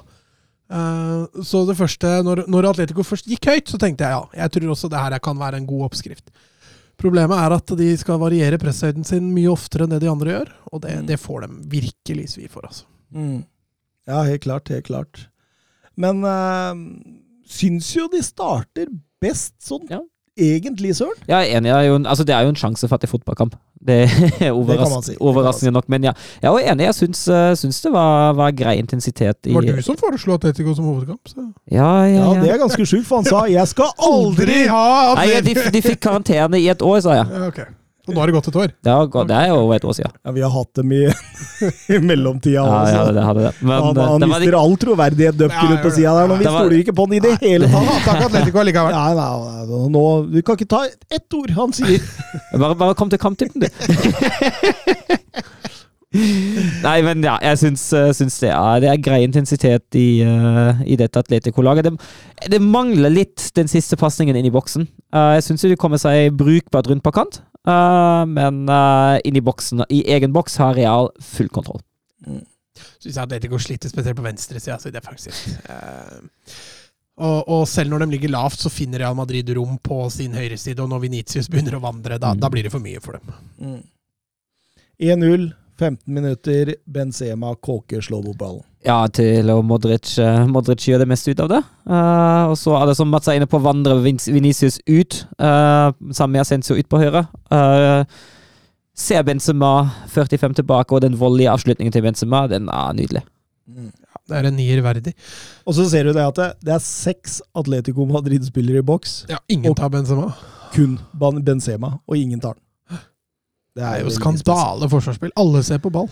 Ja, jeg tenker jo at eh, Diego Simione, når han ser denne kampen i, i opptak, så Kommer det til å bli tatt opp på neste spillemøte? For det der, der er jo fullstendig altså, Du ser stoppera blir dratt litt for langt inn, Mm, Ja, men du og så ser ser du Benzema også holde løpet ja, sitt. Men jeg tror også det er litt av krafta til Venitius, da. Mm, Altså Når Venitius kommer én mot én, så er du nødt til å ha sikringer. mm. Og det tror jeg de tenker der at vi må ned og sikre, og så glemmer man litt Benzema. Absolutt. Eh, Benzemas eh, 36. mål i kalenderåret 2021. Eh, det er mest av samtlige år han har hatt i Real Madrid-trøya, så han blir bare som en god årgangsvin, bedre og bedre og bedre. Eh, Benzemas tredje scoring i Madrid Derby på de siste fire. Det er bare én færre enn de foregående 34 han har spilt! Eh, åpenbart at det er en portugiser som tok mye av Oppmerksomheten. Det var nok det. Uh, nei, altså det sier jo litt om hvor viktig han er. Uh, jeg bare tenker at uh, Altså, det at Cristiano Ronaldo forsvant fra Real Madrid, det har gitt eh, Karim Benzema ny status, altså. Ja, ja. Helt klart. Altså Benzema, Nei, Ronaldo tok jo 80, kanskje 90% av oppmerksomheten og skulle ta straffer og, og frispark, og han skulle ha ballen på åpent mål. og Nå er det plutselig Benzema som får en del av den kaka, og det, det har jo selvfølgelig Og Benzema er ingen dårlig fotballspiller. Nei, det viser han jo gang på gang. Altså, smart fotballspiller. Ja. Veldig smart. Ja, og, og, og vi, vi fikk vel en henvendelse på Twitter når vi la ut hovedkampen at Benzema er vel vraka, så hvorfor i alle dager skulle vi tippe Real Madrid? Men det, det, det så man jo her nå, at med Benzema så får du garantert et mål. Du får i hvert fall et målpoeng. Absolutt. Og jeg syns jo ikke det høye presset til Atletico Madrid sitter veldig Jeg er helt enig. Real klarer fint å, å vende det av. Salig ut til kant. Eh, Jeg syns de står fint og bredt med stoppene, eh, og de, da gjør det det vanskelig, vanskelig for Atletico. Det jeg la merke til òg, at jeg syns altså, hvis, man, hvis man sammenligner fasen med ball til begge lag, jeg syns Real ser mye mer voksent ut når de spiller ball i eget lag. Altså, altså Det Grismann-frisparket, det er vel det eneste de har i Ja. første omgang. Mm. Ellers så har eh, Nei, Real Madrid får, det er som du sier, da, det høye presset fungerer jo svært dårlig. Jeg syns Real Madrid er flinke til å gjøre banen stor, så de har mange alternativer som gjør at Atletico må dekke ganske store rom da, når de skal presse høyt. Så enten må Atletico gamble mer og sende fram flere folk, eller så må du bare senke deg. da. Mm. Helt klart. Vinicius har en halvsjanse der rett før pause hvor han kommer litt skrått på Oblak. Eh, vanskelig å få gjort noe særlig ut av det, og det ser ut som Oblak har ganske god kontroll, rett og slett. Og man går til pause med 1-0 til Real Madrid, og da, da gjør eh, Simione et par eh, bytter. Han eh, tar ut Carasco og Grismann, som begge hadde vært dårlige, men som Ja. på en måte er litt viktig for spillestilen deres også, og, og, og setter inn Felix og, og Lemar. Og jeg, jeg skulle jo ønske han ville beholde Carasco Mm. og ha Lemar Samtidig, ja. samtidig der. Men uh, Simione har jeg merka, han, han er ikke i nærheten av å se fotball på samme måte som meg. Nei, vi, vi, det, Nei, det, altså, jeg, vi kommer jeg aldri også til å ville heller tatt ut Konja enn Ja, ja. en eh, Grismann for, eh, for Felix. Mm. Så det er liksom Og Konja er jo litt mer lik Felixen i typen. Ikke sant? Så jeg, så, så, jeg, jeg skjønner ikke helt den. Åpenbart så hadde Benzema kjent noe og, og bytta ut med Luka Jovic der. Mm. Men da leda man jo allerede 1-0, så kampen var jo Ikke sant? Eh, og, og, men, men det er jo tross alt Lemar og Felix som stort sett står for det. Ja, Felix, Felix syns jeg er veldig bevegelig. Han, ja, Han han var frisk, Ja, faktisk. jeg syns det. Eh, Jeg syns han, han linker godt opp mot Lima. Vandrer veldig mye ut, eh, ut på venstre og åpner samtidig rom for Korea å støte inn i boksen. Korea tar en del flere løp, eh, flere løp inn i boksen. og Da blir det noen, eh, noen situasjoner ut av det. Kan jo også nevne den eh, til Ascencio, da han kaster bort en veldig god mulighet etter fint spill av uh, Venicius. Men eh, ja, jeg syns jo de ser, de ser friske ut, og så skårer Real på akkurat riktig tidspunkt. der. Ja, fordi dette er jo et tidspunkt hvor Atletico Madrid ser ut til å begynne å tilegne seg et Ja. visst trøkk. Mm. Og da, da står eh, Og det, det er jo også på grunn av at Atletico Madrid står høyt, og, og Real Madrid banker den opp på Cross, som uh, header til Jovic der, og Jovic uh, gjør jo strålende ut til, uh, til Venitius, som drar seg inn i banen og, og sender den til motsatt kant. Ascencio som setter Og her er det igjen litt av den med at Venitius nå begynner å få respekt i Spania. Altså, de tar heller ut eh, De sender heller to mann i sikring framfor å Mm. dekke bredden, og så, og så blir jo Ascencio helt aleine.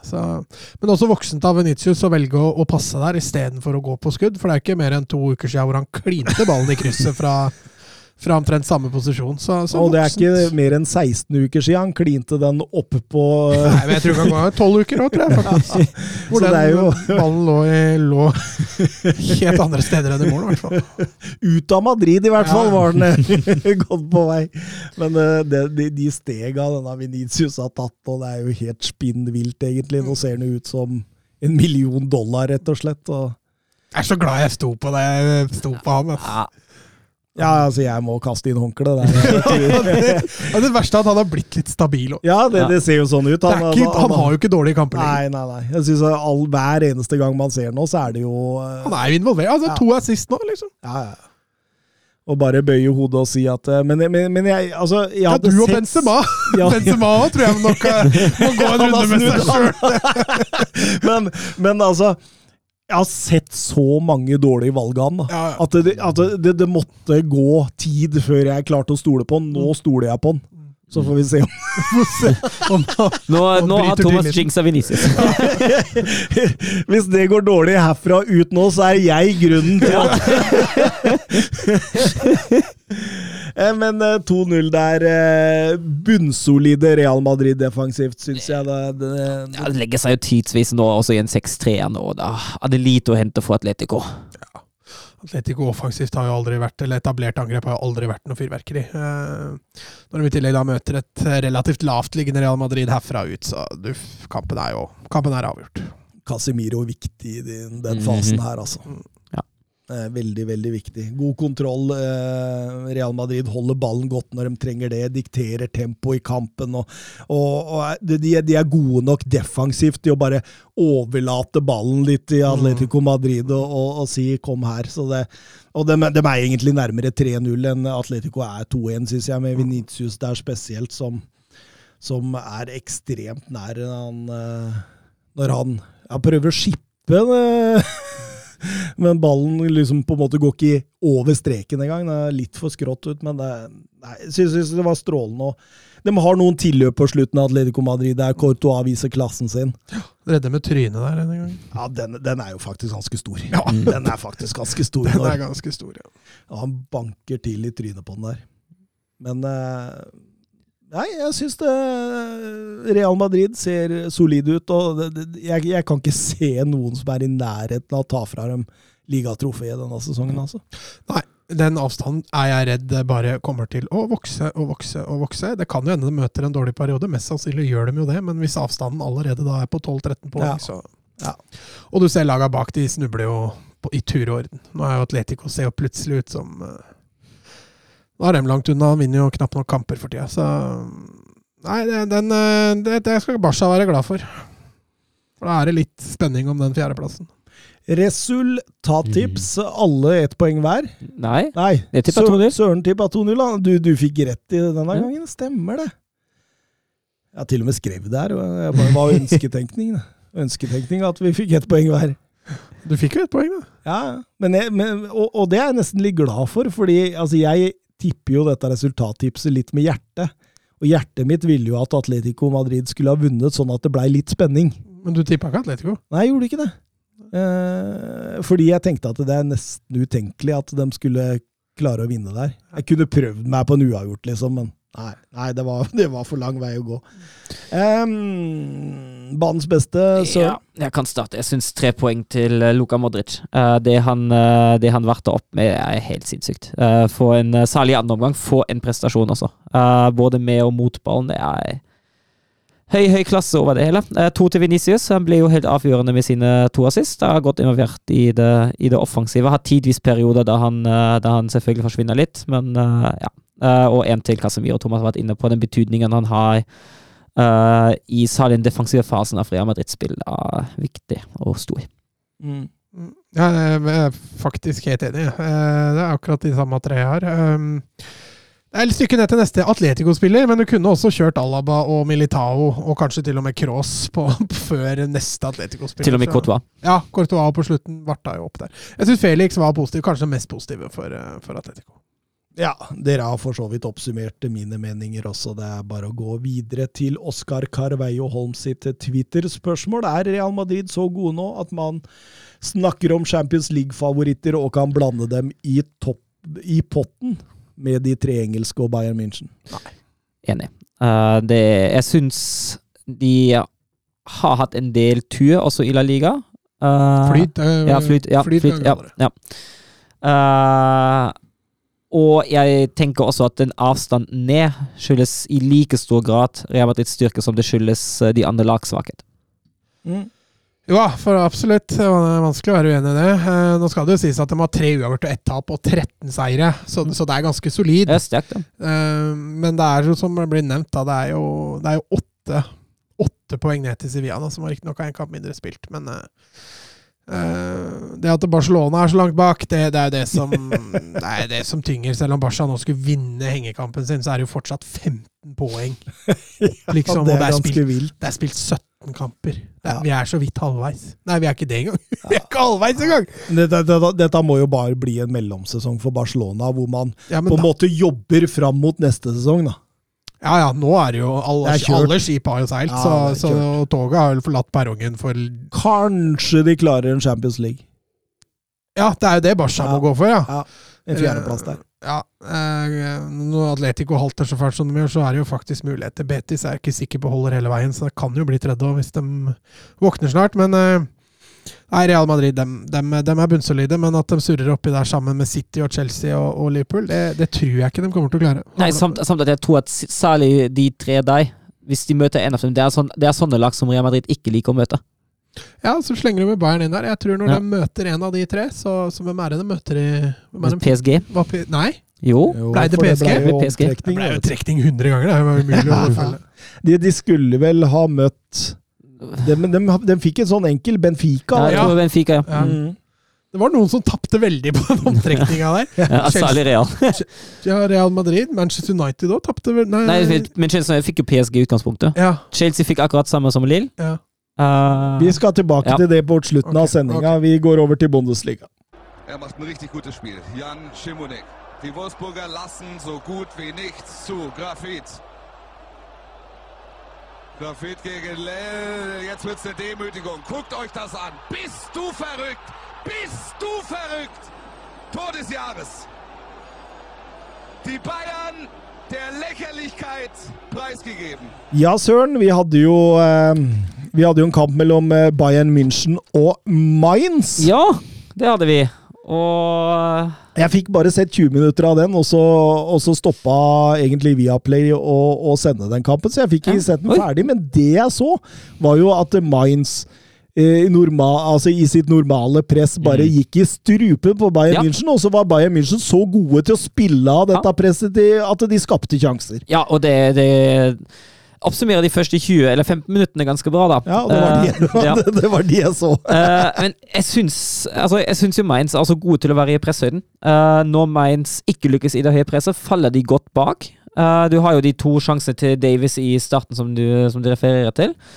Eh, og så faller Bayern etter sånn 15 minutter faller Bayern også i et lite hull. Uh, sånn spillemessig. Jeg syns det er en del feil i frispillinga, en del feil i det presset mot, eh, mot Mainz. De får jo, eh, de får jo 0-1 etter halvt spilt omgang ved Onisivo der, etter en uh, frispillingsfeil etter at Mainz presser sitter. Ja, okay. uh, og så ser de rysta ut i en periode, altså, Mm. syns jeg. Uh, resten av omgangen er ikke noe stor. De har, en, uh, har, no, de har noen sjanser. De har eh, en ganske gedigen en mot slutten av omgangen der. Jeg syns tidvis eh, så det litt ut som eh, Hvis du husker den Oxbow-kampen der? Litt upresisjon, upresisjon inn i siste tredjedel uh, til tider, og til tider også slurf i uh, slurv i frispillinga. Bayern er jo det beste laget. Mainz har ingenting å komme med etter 0-1. Det er den siste målsjansen de har um, i hele kampen. Men Altså, at det er null til pause til, til Bayern, det er Mm. Ja, altså ja, det Men de skulle fem hakk opp i andre omgang, kan man trygt si. Ja. Ja. Ja, Det samme som de gjorde i dagens kamp mot Stuttgart, tydeligvis. Ja, det er åpenbart. Eh, Den vant de 5-0 til slutt, tipper jeg. Med, med 0-1 til pause. Ja, så det er åpenbart at disse andreomgangene til Bayern kan, eh, kan eh, luktes videre. Ja, og det, det er jo det er ikke så rart med tanke på at de har Nagelsmann på benken. Eh, en av de kanskje beste in game-managerne som, som fins. Rett og slett et taktisk geni, vet du. Ja, jeg syns det. Uh, og det han gjør nå mot, uh, mot Mainz, er jo i frispillinga senker han seg ned litt. Uh, Sané får banen foran seg, Sané hjelper til i frispillinga. Tidvis i bytte med, eh, med både Davis og Tolisso. Uh, skaper da overtak mot Mainz press. eh, Blir klart bedre i den offensive markeringa. Slutter å bruke så mange touches rundt boksen. Eh, det var noe som irriterte meg litt i første omgang, eller jeg merke til. da, at mye vending, en del upresis vending, og når de først vender ut, så ble det to, tre, fire, fem touches før ballen ble spilt videre, og det var klart. Da klarte Mainz å sideforskyve. Eh, men presset blir, uh, blir veldig stort etter hvert. 1-1 kommer jo etter en nydelig ball av Tolisso. Der Bayern han fryktelig direkte. Mm. Veldig uvant. Uh, slår rett i bakrom på Kommer, som eh, Ja, for de har jo blitt mindre direkte egentlig under Nagelsmann enn de var under Flick. Helt enig. Men akkurat da, på 1-1, er ekstremt direkte. Mm. Da var det bare én lang pasning i bakrommet, og så var det, 1-1. Nydelig slått og godt satt til slutt. Men, uh, og så blir presset veldig stort til slutt også. Da, da, da syns jeg Bayern er litt tilbake til, til sitt vanlige. Uh, kveler, kvele motstanden rundt, uh, rundt deres boks. La dem ikke komme ut. eh, og så er det egentlig bare et tidsspørsmål at det blir da 2-1 til vi Musiala til slutt. da. Musiala, altså. Ni mål på 41 Bundesligakamper. Det er sterkt for en 18-åring. Ja, og så jo, må jo regne med de 40 Jeg har spilt de færreste av de 41 i 90 minutter. Ja, han har blitt bytta mye inn og Og ut, kommet inn og skåret et par mål. Og, ja. Ja. Ja, Strålende. Eh, dette var jo Nagelsmanns seier nummer 100 som Bundesliga-manager, og det er ikke dårlig i hans 199. Bundesligakamp. Sterkt med en halvparten, med tanke på altså Det er jo ikke Bayern han er trent hele karrieren. Det har jo hatt Hoffenheim. Han overtok jo et Hoffenheim i helt katastrofal situasjon. Mm. Da lå det jo an til å rykke ned, og så skulle Nagelsmann ta over neste sesong, og så var det vel Stevens eh, som måtte gi seg. Da Altså, han tok jo over et Hoffenheim med Håvard Nordtveit som Ja. kanskje den beste stopperen Ja. på laget. Ja, og da, da tenkte Hoffenheim ok, hvis Stevens nå skal gi seg, da bare trekker vi opp Nagelsmann, så han får litt erfaring og kan bygge opp laget igjen i andre bondesiga. Så det var, det var så, som, sånn som det ser ut, at nå rykker vi ned, nå bare Mm. Starter i prosjektet litt tidligere. Han klarte jo å berge plassen med dem. Ja. Er jo enormt da, allerede. Ja, og da fikk de jo faktisk til Europa der, til Ja. Champions League-kvalifisering. Ja. Hvor de røyk mot Liverpool, husker Ja. Alexander Arnold med et frisparkmål, vel. Ja. Ja. Eh, av de eh, 199 eh, kampene, da, så har eh, da 100 blitt seire. 59 av dem uavgjort, og kun 40 tap. ja, det er sterkt. Det er, det er, det er sterkt, enorme tall. Ja. Så ja. ja, det, det sier seg sjøl, rett og slett. Um, Bayern München har skåra i 62 Bundesligakamper på rad. ja jeg, jeg, syns, jo det Ja, ja det, er jo, det er jo en, eh, er jo en fortjent, eh, fortjent seier til slutt. Da. Nei, sier du det? Ja. Jeg må tilbake til februar 2020, sist de ikke skåret i Bundesliga. Det var mot Leipzig, ikke sant? Ja, stemmer. Ja, det var den som som motkamp til Mm. 0-0, nei. Ja. Mm. Upamecano i en strålende kamp, husker jeg. Absolutt. Og, eh, Lewandowski gikk målløs av for kun fjerde Bundesligakamp denne sesongen. Ja. Han gikk ikke målløs av i dag. Nei, han, i dag skårer han to, men uh, han ble nok litt frustrert mot Mainz. Han fikk jo bare én sjanse òg. Han uh, falt litt dypere etter hvert og begynte Ja, å hente seg baller. men det har skjedd litt med i denne sesongen. At han, Ja. Du ser at han liksom han, finner ikke helt posisjonen sin, og så blir han litt møtende, og så er han ikke helt Mm. framme i boks. Ja, og så og så får han ikke for, altså nå, nå ser jo offensivspillet ut- offensivspillet til Bayern de siste kampene har ikke sett så flytende ut som i starten av sesongen. Nei. Da de uh, skåra på alt og hadde god flyt. Nå har det blitt litt tyngre. Eh, Alex Andreball på Twitter. Er Braut Haaland for god for å la slippe? Eller er Lewandowski for god til å byttes ut? Hva ville vi gjort på spissplassen til Bayern München? Altså, kan de De har jo per nå sjanse til å hente Haaland, men da må de muligens slippe Lewandowski. ja, men den hadde jeg tatt hvis jeg var Bayern. Eh, med tanke på framtida. Lewandowski har Altså, han er, jo, han er jo fysisk i veldig, veldig god form, så det, for, det kan fortsatt være noen veldig gode sesonger der, for Men, men samtidig så har han jo begynt å ymte ut på at han vil prøve noe annet. Ikke sant, Det er akkurat det Det er akkurat det som spiller inn der, jo. At Mm. uh, Hvis Lewandowski har lyst å få noen år i Premier League, eller hvor enn han ønsker, da tenker man, eh, tenker man kan gi ham lov til det. Han har jo ikke så mye med å vinne i Bundesliga, egentlig. Nei, har man, det, det kan du trygt si! og så har man det som kan var være ikke, var ikke tidenes understatement, det. Nei, men tidenes, tidenes toppscore kan det fortsatt bli. Men da, jo fortsatt, da må jo fortsatt spille, spille noen sesonger til. Ja. Uh, men samtidig, hvis man da kan bytte ut Lewandowski uh, med Haaland, har man sikra den spissplassen i en god del år framover. Ja, og så er Haaland en spilletype som passer Ja, spillesystemet. Da. Helt enig, og I hvert fall nå som han også blir sterkere i boks. Han begynner å bli en komplett spiss. ja, ja, absolutt. Altså Ikke i boks, men med hodet.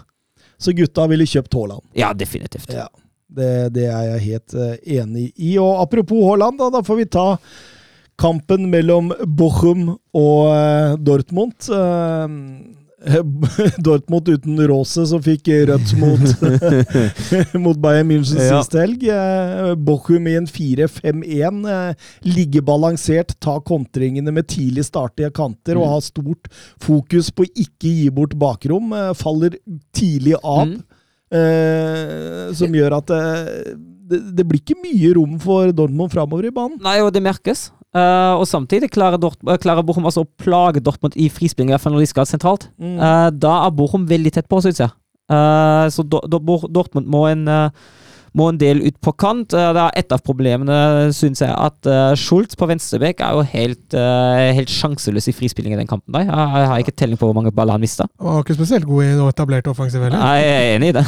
Han hadde en forferdelig fotballkamp. Det er Helt utrolig at han får lov å fullføre. Eh, og altså det første, første kvarteret det jo ingenting. Det har jo Bochum full kontroll på det Dortmund prøver på. Ja, absolutt. Jeg er helt enig. Jeg tar litt tid før Dortmund kommer, liksom, får en viss kontroll over kampen. Og, og Bochum begynner å slite med å sette overgangene. Mm. Ja, altså, altså, altså Har Dortmund ikke den vanlige strukturen i angrepsspillet sitt? Jeg savner litt de vendingene. Jeg savner litt den uh, Skyldes jo også litt uh, Schultz uh, og den rollen han ikke spilte.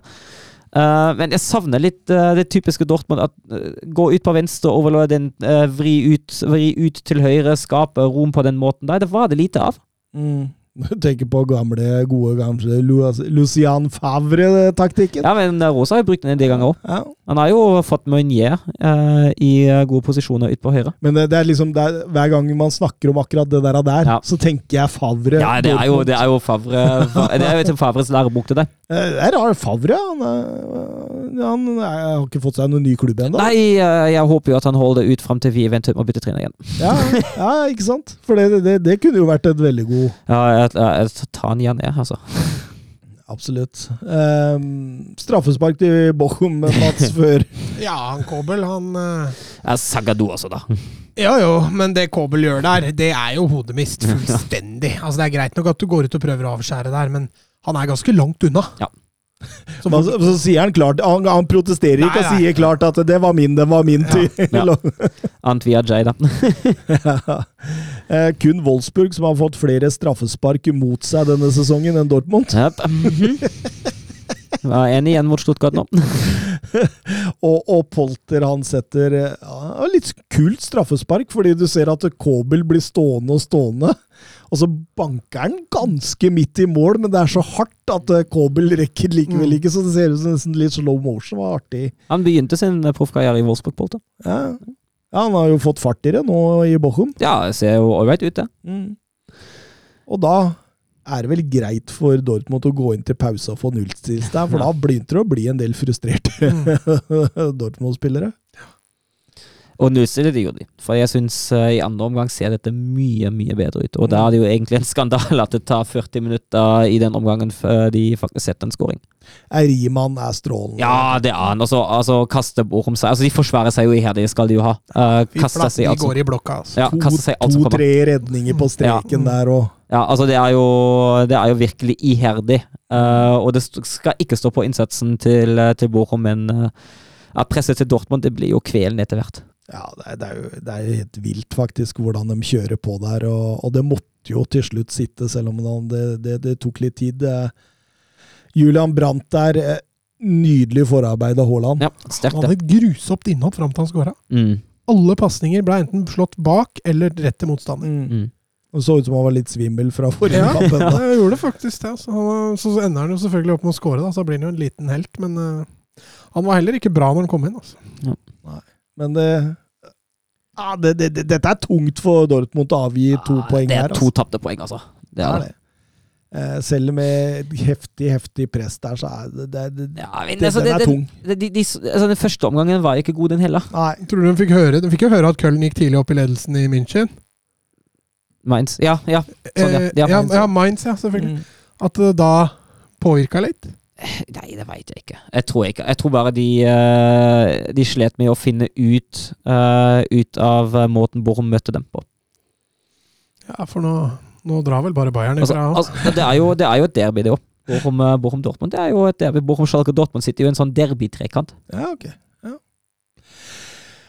RB Leipzig mot Borussia München Gladbach. Ja, Leip- og Leipzig med ny trener. Min trener Dominico Tedesco er tilbake, og jeg er veldig spent på det deg. Uh, jeg gleder meg. Uh, Jeg gleder meg til å se om han har tatt steg, som det ryktes om i Moskva. Eh, han blei jo hylla ganske bra for jobben i Schalke en periode. Ja, og hvis han, hvis han har, nå har tatt de, eh, de stegene han har tatt, da er det nesten en skandale at Wolfsburg ikke ansatte ham da man hadde mulighet. Eh, så dette her blir, eh, blir spennende å se. Eh, spillerne sjøl har jo også sagt at eh, Eller som man da har skrevet i tysk presse, at de var lei Mars inngang med bare kontring, kontring, kontring hele tida. Uh, press, overgang, press, overgang. Uh, de ville ha litt mer ballbesittelse. De ville tilbake til, til Nagelsmann.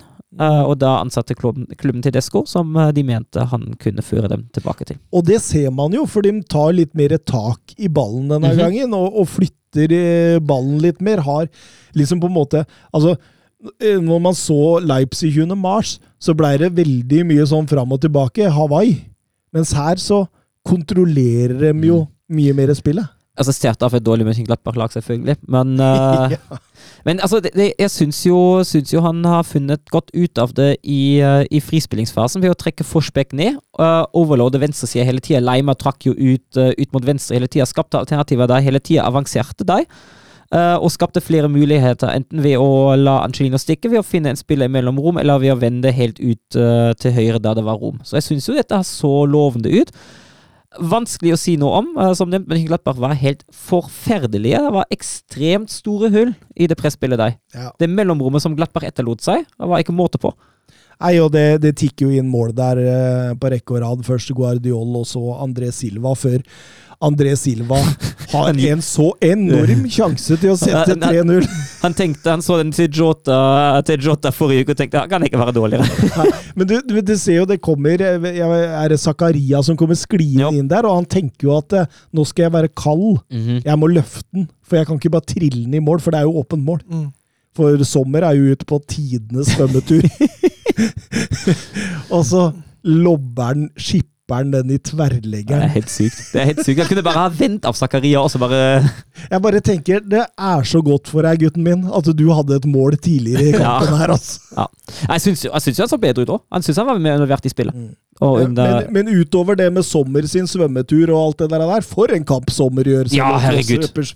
Ja, for, for Leipzig kunne ha avgjort dette her langt, langt før. Mm. Det var unødvendig at det ble spennende i, i fem minutter der mot slutten. Ja, men, det, men, men den der dobbeltredninga han har Ja. på slutten av første omgang, der, det er ja, den er det helt enorm. har sett. Helt enorm. Det er helt enormt, altså. Så eh, Altså, vi, vi bør ikke si så mye mer. Altså, det, altså det, det, det blir jo Altså, de får et lite sånn på en måte halmstrå med Benzebain i tre minutter før slutt, og så eh, satser de alt framover, Ja, og altså, så da sitter det 3-1 og 4-1. Det er en Konko to ganger i bakrommet helt alene. og En gang skårer han sjøl, en gang setter han, eh, setter han opp Henriks. Og det er så fortjent at Leipzig vinner denne kampen. der. Ja, ja, og, Det, de er, altså, hvis det er dette her som kommer ut av Tedesco, da blir det mye glede. Så er jo spørs som sagt, Jeg syns Glattbach hang ikke sammen i det hele tatt. Det er noe av det dårligste jeg har sett av München Ja, Glattbach. og, og, og, det, og det er det jeg vil fram til her nå. Adi Hytter nå. Nå, nå, nå røyk han på en forferdelig smell mot Freiburg, eh, der kampen var avgjort etter eh, noen få minutter. Det var jo 0-6 eller noe sånt nå. 0-5 etter 25 og 0-6 til pause, ja. Ja. Mm. Uh, og nå Altså, dette kunne vært mye mer enn 4-1 hvis det ikke hadde vært for sommer. Vet, du- vet du hva som var rykta i tyske medier nå? Nei. At hvem som skulle overta Altså Nå var det ryktes at eh, Hytta han eh, er på grensen til å få sparken. Van Bommel. Nei, men det går i riktig retning. Ronald Koeman. Nei, det går i riktig retning. Det er Christian Gross som er rykta til å overta. Christian Grås! Ja, en eller annen avis som skrev det. Jeg vet Det er det sjukeste jeg har hørt! det er sykeste jeg har sett. Ja, helt sykt. Og jeg veit ikke hvor godt kildegrunnlag de har. Eh, så man tar det med en klype salt, men altså, de kan jo ikke Mönchenglattberg finne på å erstatte hytta med grås. Altså, herregud, da. Nei, da kunne man like godt erstatta Mats med Mats Granvold, tror jeg. Ja, det hadde gjort det godt bra, det. Så ja, vi får se, vi får se hvordan det går. Nå spiller han jo mot, uh, mot Frankfurt denne midtukerunden nå. Uh, og så er det jo nyrene nå til helgen, og jeg tipper han får de to nå. Mm. Og hvis han ikke leverer nå, da kan, han, kan det hende at han er arbeidsledig julaften, altså. Mm. Det kan fort hende, for nå, altså, nå ser det mørkt ut, virkelig. Det er nesten sånn at både André Silva og Adi Hytter burde bare blitt i, i Frankfurt. Ja. ja, faktisk. Men Eh, Wolfsburg spiller, da? Mm? Wolfsburg spiller nå? Ja, mot Kønja vil ikke vite. Nei, ok. Men uh, Bayern er, vi- Bayern er ferdig, vil du vite det? Ja, jeg vil gjerne vite de andre i Bundesliga enn Ja, Bayern- Bayern vant 5-0, vet jeg. Bayern vant 5-0. Og Eh, Mainz leder 3-0 over Hertha, Mm. og Bielefeld leder 2-0 over Bochum. Bochum. Mm. Em, vi må ta litt Wolfsburg. Eh, vi må Søren Dupker, denne er din. eh. Ja, mhm. Jeg gir, det glir ikke for Wolfsburg. ja, det, det, nå var du snill. ja, altså, Eh, altså, nå, altså, du vet, altså, med tanke på spørsmålet til, til Didrik om trener og den kampen med nå, altså, nå er vi nære på å få en E. altså En E? Ja, eksplisitt. Det er 18-årsgrense for å høre på oss. Altså, Sist Wolfsburg vant i alle turneringer, var 6. november 1-0 mot Augsburg. Etter det har det vært Champions League-tap mot, mot Sevilla og Lill, som sendte dem ut av Europa. De har null seire, ett uavgjort og to tap i ligaen før denne, og de sliter tungt defensivt, men også foran mål. Sliter tungt overalt. så så, så i- og, og Jeg så gjennom kampene denne sesongen, Søren. Mhm. Eh, de har aldri skåra mer enn to mål Nei. i en tellende kamp. Det var en treningskamp midt inni der. Men, eh, og de har skåra to mål kun fem ganger i alle yep. turneringer. Resten har vært null eller én. Yep. Det er helt Det sinnssykt. er- det- det- det- Jeg visste ikke at det var Det, så det, det, svakt. helt, det er helt katastrofe. Det, det, begynte, det begynte jo med van Bommel, og så fortsetter det med, fortsetter det med K5. Men altså, van Bommel har ødelagt mye. Eh, den ansettelsen der var akkurat som forespeilet. Det var akkurat det jeg forventa av den ansettelsen. Ja, det, det, det, det, det, dette her er Det har du på tape! Ja, faktisk. Det har jeg faktisk på tape. Men, men altså, Glasner, da. Da var det jo ekstremt solid defensivt. Ja, og så var det, var det et system altså det var, det var vanskeligheter mot etablert. Det er greit, det begynte å utvikle seg litt bedre, men det var vanskeligheter mot etablert. Men det var et system som sørget for at når det systemet fungerte, skåret man likevel passe med mål. Helt innafor. Og så var det godt defensivt. Nå har vi slutta å skåre mål, og vi slutta å være gode defensivt òg. Altså, og hvis vi tar den, eh, den der Stuttgart-kampen nå Altså, jeg, vet egentlig ikke hvor jeg skal begynne. Det, det hele går jo det hele begynner å gå til helvete allerede etter 20 minutter, for da må Vrangs ut sentralt. Og da bestemmer geniet på benken seg for å bytte inn Gilavogi. Han bytter ikke inn Gerhard, han bytter ikke inn Bako, han bytter inn Gilavogi. Og da, det er en ren defensiv spiller. Det står 0-0 igjen mot Stutt- Stuttgart. Denne spilleren skal da bidra til, som en av to sentrale midtbanespillere, da Arnold faktisk faller dypere i frispillinga enn ham. Og da blir han en slags indreløper-ish Gilavogi. En spiller som kan takle. Som eneste attributt. Ja, altså han, han, han er grei som, som i en Trebekk-sine bak der, men for en klubb som Wolfsburg, som faktisk har lyst til å spille litt fotball, er helt ubrukelig. Så i, i, mitt, i midtbanelendet er helt sykt. Altså, går, altså er det jo altså, elendig i presspillet, elendig mot etablert forsvar, elendig til å spille fram sjanser. Elendig i å sideforskyve, til og med. Altså, de basicsene er borte. Det er ingenting der igjen. Elendig i Altså, Stuttgart har to sjanser, skårer to mål. ene målet får man i sekken i overtall. En spiller som sitter ute og er skada. Altså, jeg, jeg har ikke ord, altså. Det der, det der er så dårlig. Altså, får man da to 1-0-skåring er jo ganske fin, da. Han setter den jo i krysset fra 18 meter, greit nok. Uh, skaper jo nada sjøl, offensivt Wolfsburg, og 2-0-skåring kommer jo uh, Kommer jo etter at man uh, ikke henger med i 3-4 lett defensivt. Mm. Først som setter den, og kronen på verket er jo nå det blir straffet på Arnold Hensen, som er helt riktig. Så kommer Marmouche, vår egen lånespiller som er lånt til Stuttgart ut sesongen, og prøver å ta en panenka mot sin egen klubb. Han skal ydmyke Ydmykelsen er total. I det minste, i det minste satt den i tverrliggeren, da. En, uh... oh, Jesus. Altså, det er ingenting der. Det er ingenting. Det, det, det er så dårlig at jeg ikke har ord. Man må tilbake til 2005, sist Stortkart vant borte mot Wolfsburg. Måtte... Etter det har det vært Var vi mot uh, Ja. Det var trappet tåen i tre da Samtidig da, så var dette den første borteseieren til Stuttgart. Det er litt Robin, det er litt Robin Hood over det, altså. Og, og altså, altså, hvis, du, hvis du hører Godes eh, eh, kan, eh, Eller er du ferdig? Vil du ha noe mer? det er Florian Kofelt som begynte så bra. Han er den første Wolfsburg-treneren siden opprykket i 97 som har tapt fem strake kamper i alle turneringer. Gratulerer med historien deg. Og så var det Köln i dag. Det vil jeg ikke vite hvordan den går, for den skal jeg se På bussen. Ja. Um, og så er det Bayern nå på fredag. Fint. Nå er det 20 poeng. Fire poeng ned til 16.-plass. Dette, er- dette lukta nedrykksstri lang, lang vei. Ja, men Først- de rykker jo ikke ned. Nei, det Furt er jo, Furt er jo vekk, selv om de vant sin første Bundesliga-kamp i historien på hjemmebane nå i forsøk 24. Um, men Philip Førstad, han sa etter kampen, og det er jo oppsiktsvekkende når en motspiller sier dette om laget han møter, da. De var absolutt ikke til stede engang. Det var null motstand. Og det, det, sier, jo, det sier jo alt. Og det Eh, om et lag som det, det, verste er at jeg, jeg så, så den kampen, og det, jeg føler ikke at det sto på vilje. Jeg bare tror dette var såpass elendig at det føltes som om det ikke gjorde motstand. Didrik Tofte Nilsen, seks uker med K-felt nå.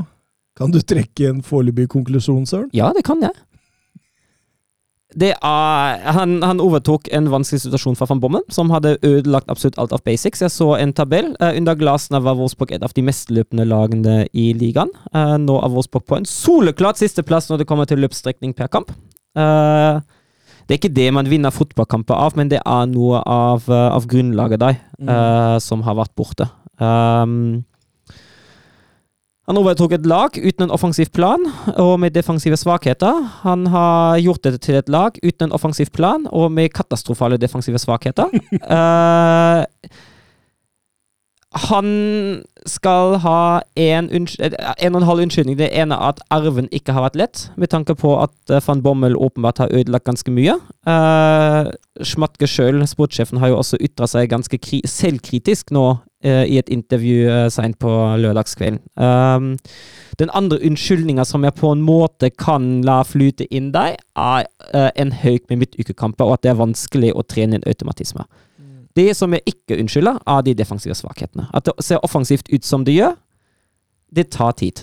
At man fortsatt ikke har klart å stabilisere det laget der defensivt i noe som helst form, at det ser nesten verre ut fra kamp til kamp, det går ikke an. Nei. Det skal ikke være mulig. Altså, det, skal til, altså, det skal en trener på dette nivået klare forholdsvis greit, særlig med tanke på at dette er spillere som har prestert på et betraktelig høyere nivå for ikke altfor lenge siden.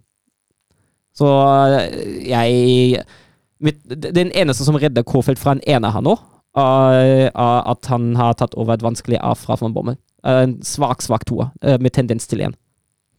Åhåhå, Mats. En svak toer med tendens til én. Eh, ja, jeg er med på en toer, jeg, altså, Søren. Ja. Han starta bra, det var det som eh, redder en toer. Mm. Ja, han, altså, altså skal han altså, Den andre tingen skal han prøve ganske mye taktisk underveis i kampene. Det står ikke på det. Han bommer bare, han Nagelsmann Light. ja, han bare bommer med alt han prøver. Han bare prøver feil. Uff a meg. Uff a meg. Det er tungt. Det er tungt. Og med de ordene Serie A. Era il marcatore di Cannavaro. Palla tagliata. Messa fuori, c'è Pirlo, Pirlo, Pirlo, ancora Pirlo di tacco.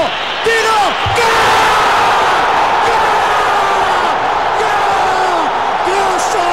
Grosso! Gol! Gol di Grosso! Grosso! ja. Deilig utblåsning, søren. Trengs innimellom.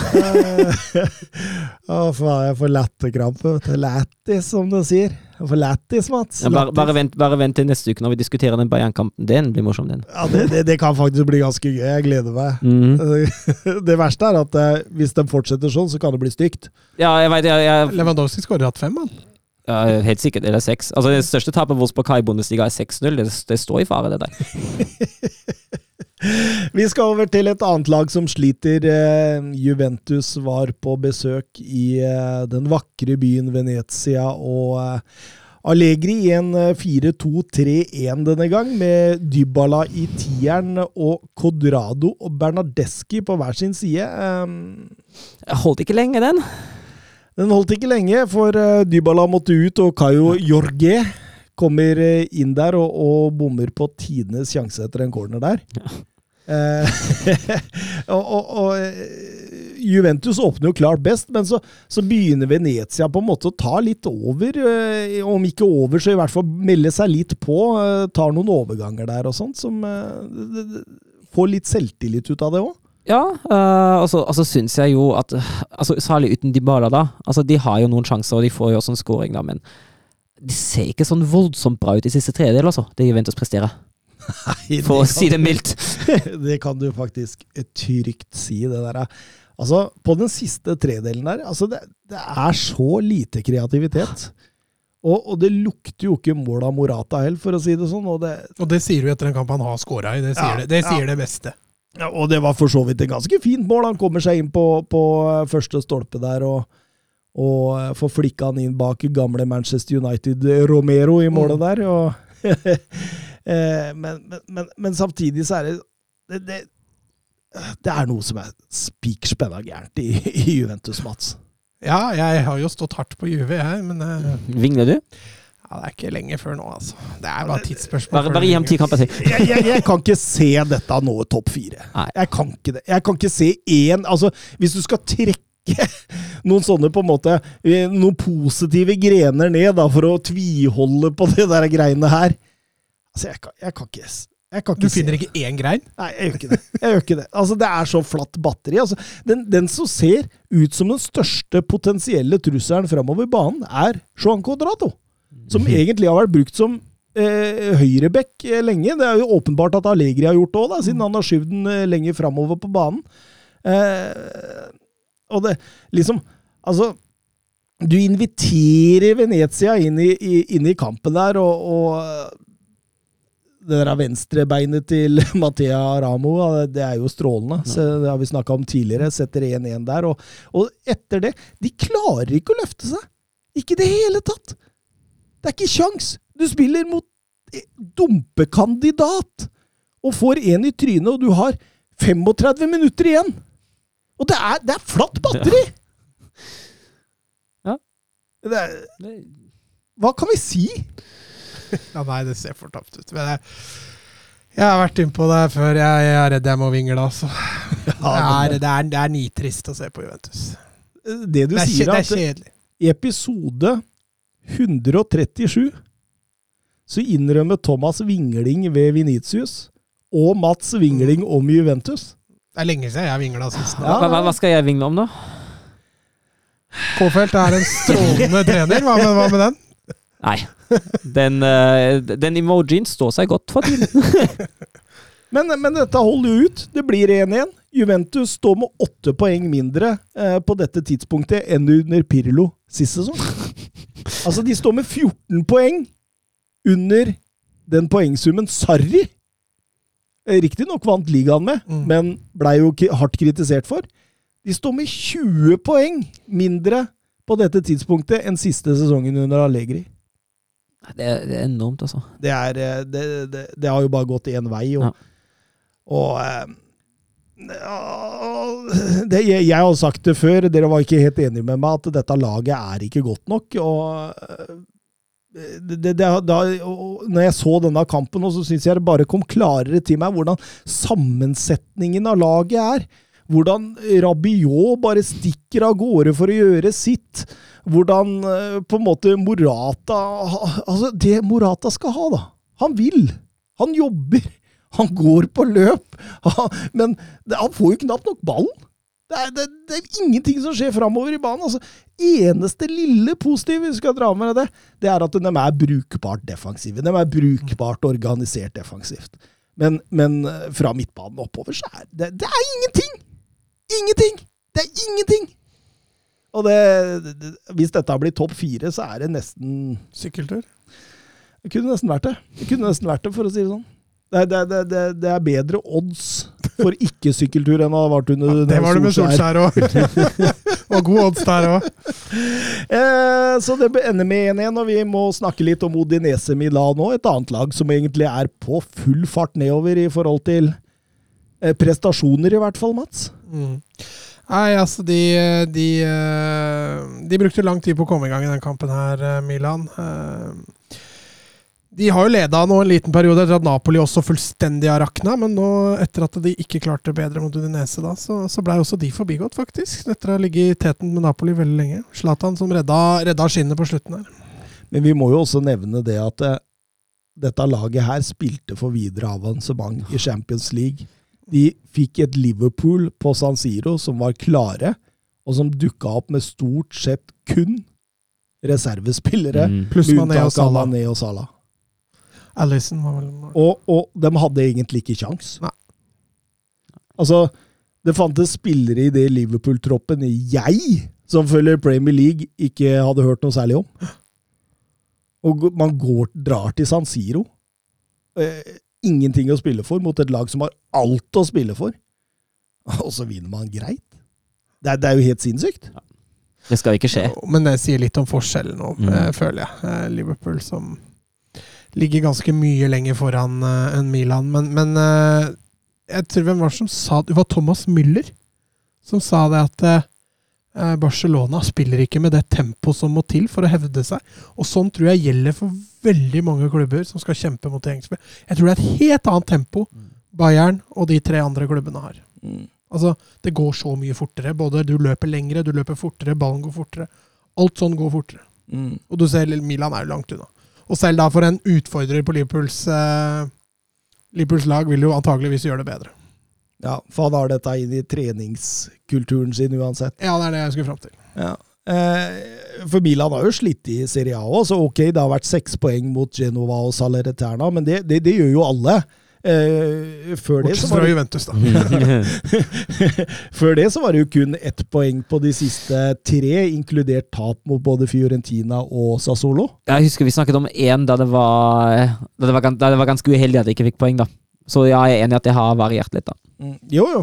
Og for så vidt, de kunne ha stikket av med alle Ja, ja. poengene her også, men, men, men det er så langt unna Toppnivået deres, ja. Ja. ja. Og, og, og det er jo det er jo bare en genial avslutning av Zlatan, hvor Mm. altså det lempes inn i boks. Maldini har kommet inn, vinner på bakerste der, og så, så er det et par uh, Odinese-spillere som går litt i veien for hverandre, sånn at ballen legges helt sånn perfekt til rette for at Zlatan kan gjøre et sånn slags sykkelspark og sette sette 1-1. Eh, vel og bra det. Zlatans 300. Skåring i topp fem-ligaene. I dette årtusenet er det kun Ronaldo og Messi som har klart det tidligere. Det er jo strålende. En eksklusiv klubb, det. Nå skal, nå skal det sies at Ronaldo og Messi ligger en sånn 200 mål foran Zlatan igjen. Da, så det er jo det er jo voldsomt. Eh, Vi kan også nevne at uh, helt mot slutten så fikk uh, Isaac suksess, den gode gamle uh, Watford-spilleren, eh, direkte rødt kort. Ja, mista vel hodet da først mot Manja, og så, og så i etterkant. Altså. Ikke noe å si på det. dytta Florenzi rett etterpå der. Og. Nei, den var grei, den. Så nei, skuffende resultat av Milan og Pioli, dette. Eh, over til den andre enden av skalaen. Inter, ja. Inter. Der For da, da der er- flyter det godt, altså. Der er pila grønn og peker rett oppover. Inter er videre i Champions League, og de har ikke tapt i Serie A siden 16. oktober. De eh, er virkelig i en fantastisk form, eh, og eh, spilte jo ganske jevnt mot Real Madrid på Santiago Bernabeu i midtuka òg, og Vebjørn Fredheim spør er Inter bedre denne sesongen enn under Conte sist sesong. Det er mer underholdende når det glir, i hvert fall. Det er ingen tvil om. Altså det, Jeg har sett det har blitt diskutert litt i italienske medier også, dette om Ok, er Simone Insagi en fantastisk trener som på, på en måte bare har Eller, eller er dette et grunnlag fra Conte? Det- det- det- Den litt den ha, Er fundamentet så bra der, eller, eller er det Insagi som bare har dratt det? det Kanskje, kanskje kombinasjon av begge deler? det, det var det jeg tenkte òg når jeg leste det, at det kan jo være en god kombinasjon. For han har jo fått et grunnlag. Ja, altså Den defensive strukturen er jo der ennå, det ser man jo også. Men jeg syns jo det at man tør å sende flere folk i angrep. Eh, og så lenge du da har en god arbeidsmoral i laget, og du har en god defensiv struktur når du mister ball, så har du allerede en kjempefordel. Ja, og de, de går i strupen på Kaliari med en gang her, og, og eh, Ja, altså Det er jo én spiller i Cagliari som gjør at dette ikke kan bli 10-0, og det er eh, keeper Kragno. Ja, er For, for en kamp altså, han hadde. det var helt vilt, faktisk. Han hadde så mange skudd på seg, og så Han jobba for lønna, Mats. Ja, Fortjent lønna, faktisk. Ja, for, men for noen skåringer vi får av vinter Ja. Det var noen, eh, noen skikkelig klemme hystøy. Noen, noen skikkelige perler, det er helt klart. Eh, 1-0 med Lautaro Martinez, og så, og så får de med straffespark der, som Lautaro Martinez faktisk eh, eh, setter altså, altså, Kragno går tidlig, men legger igjen beina. Mm, men det er et dårlig straffespark, da. Ja, absolutt. Eh, 2-0 med Sanchez. Går det an å si at alle straffespark man bommer på, er dårlig? Nei, men det der var dårlig.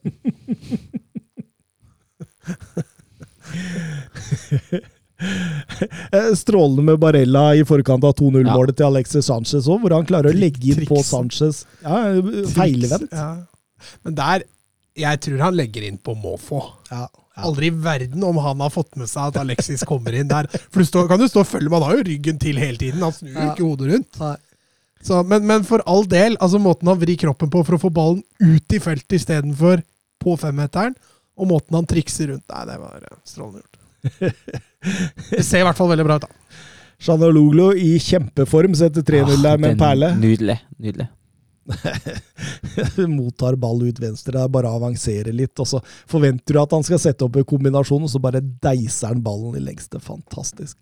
Og Martine sa han fastsetter 4-0, og det, det, det, det var jo klasseforskjell. Og det var en maltraktering, rett og slett. Altså, som Altså, det er ikke like vakkert sånn Manchester City-fotball med masse bearbeiding, men det er så ekstremt direkte.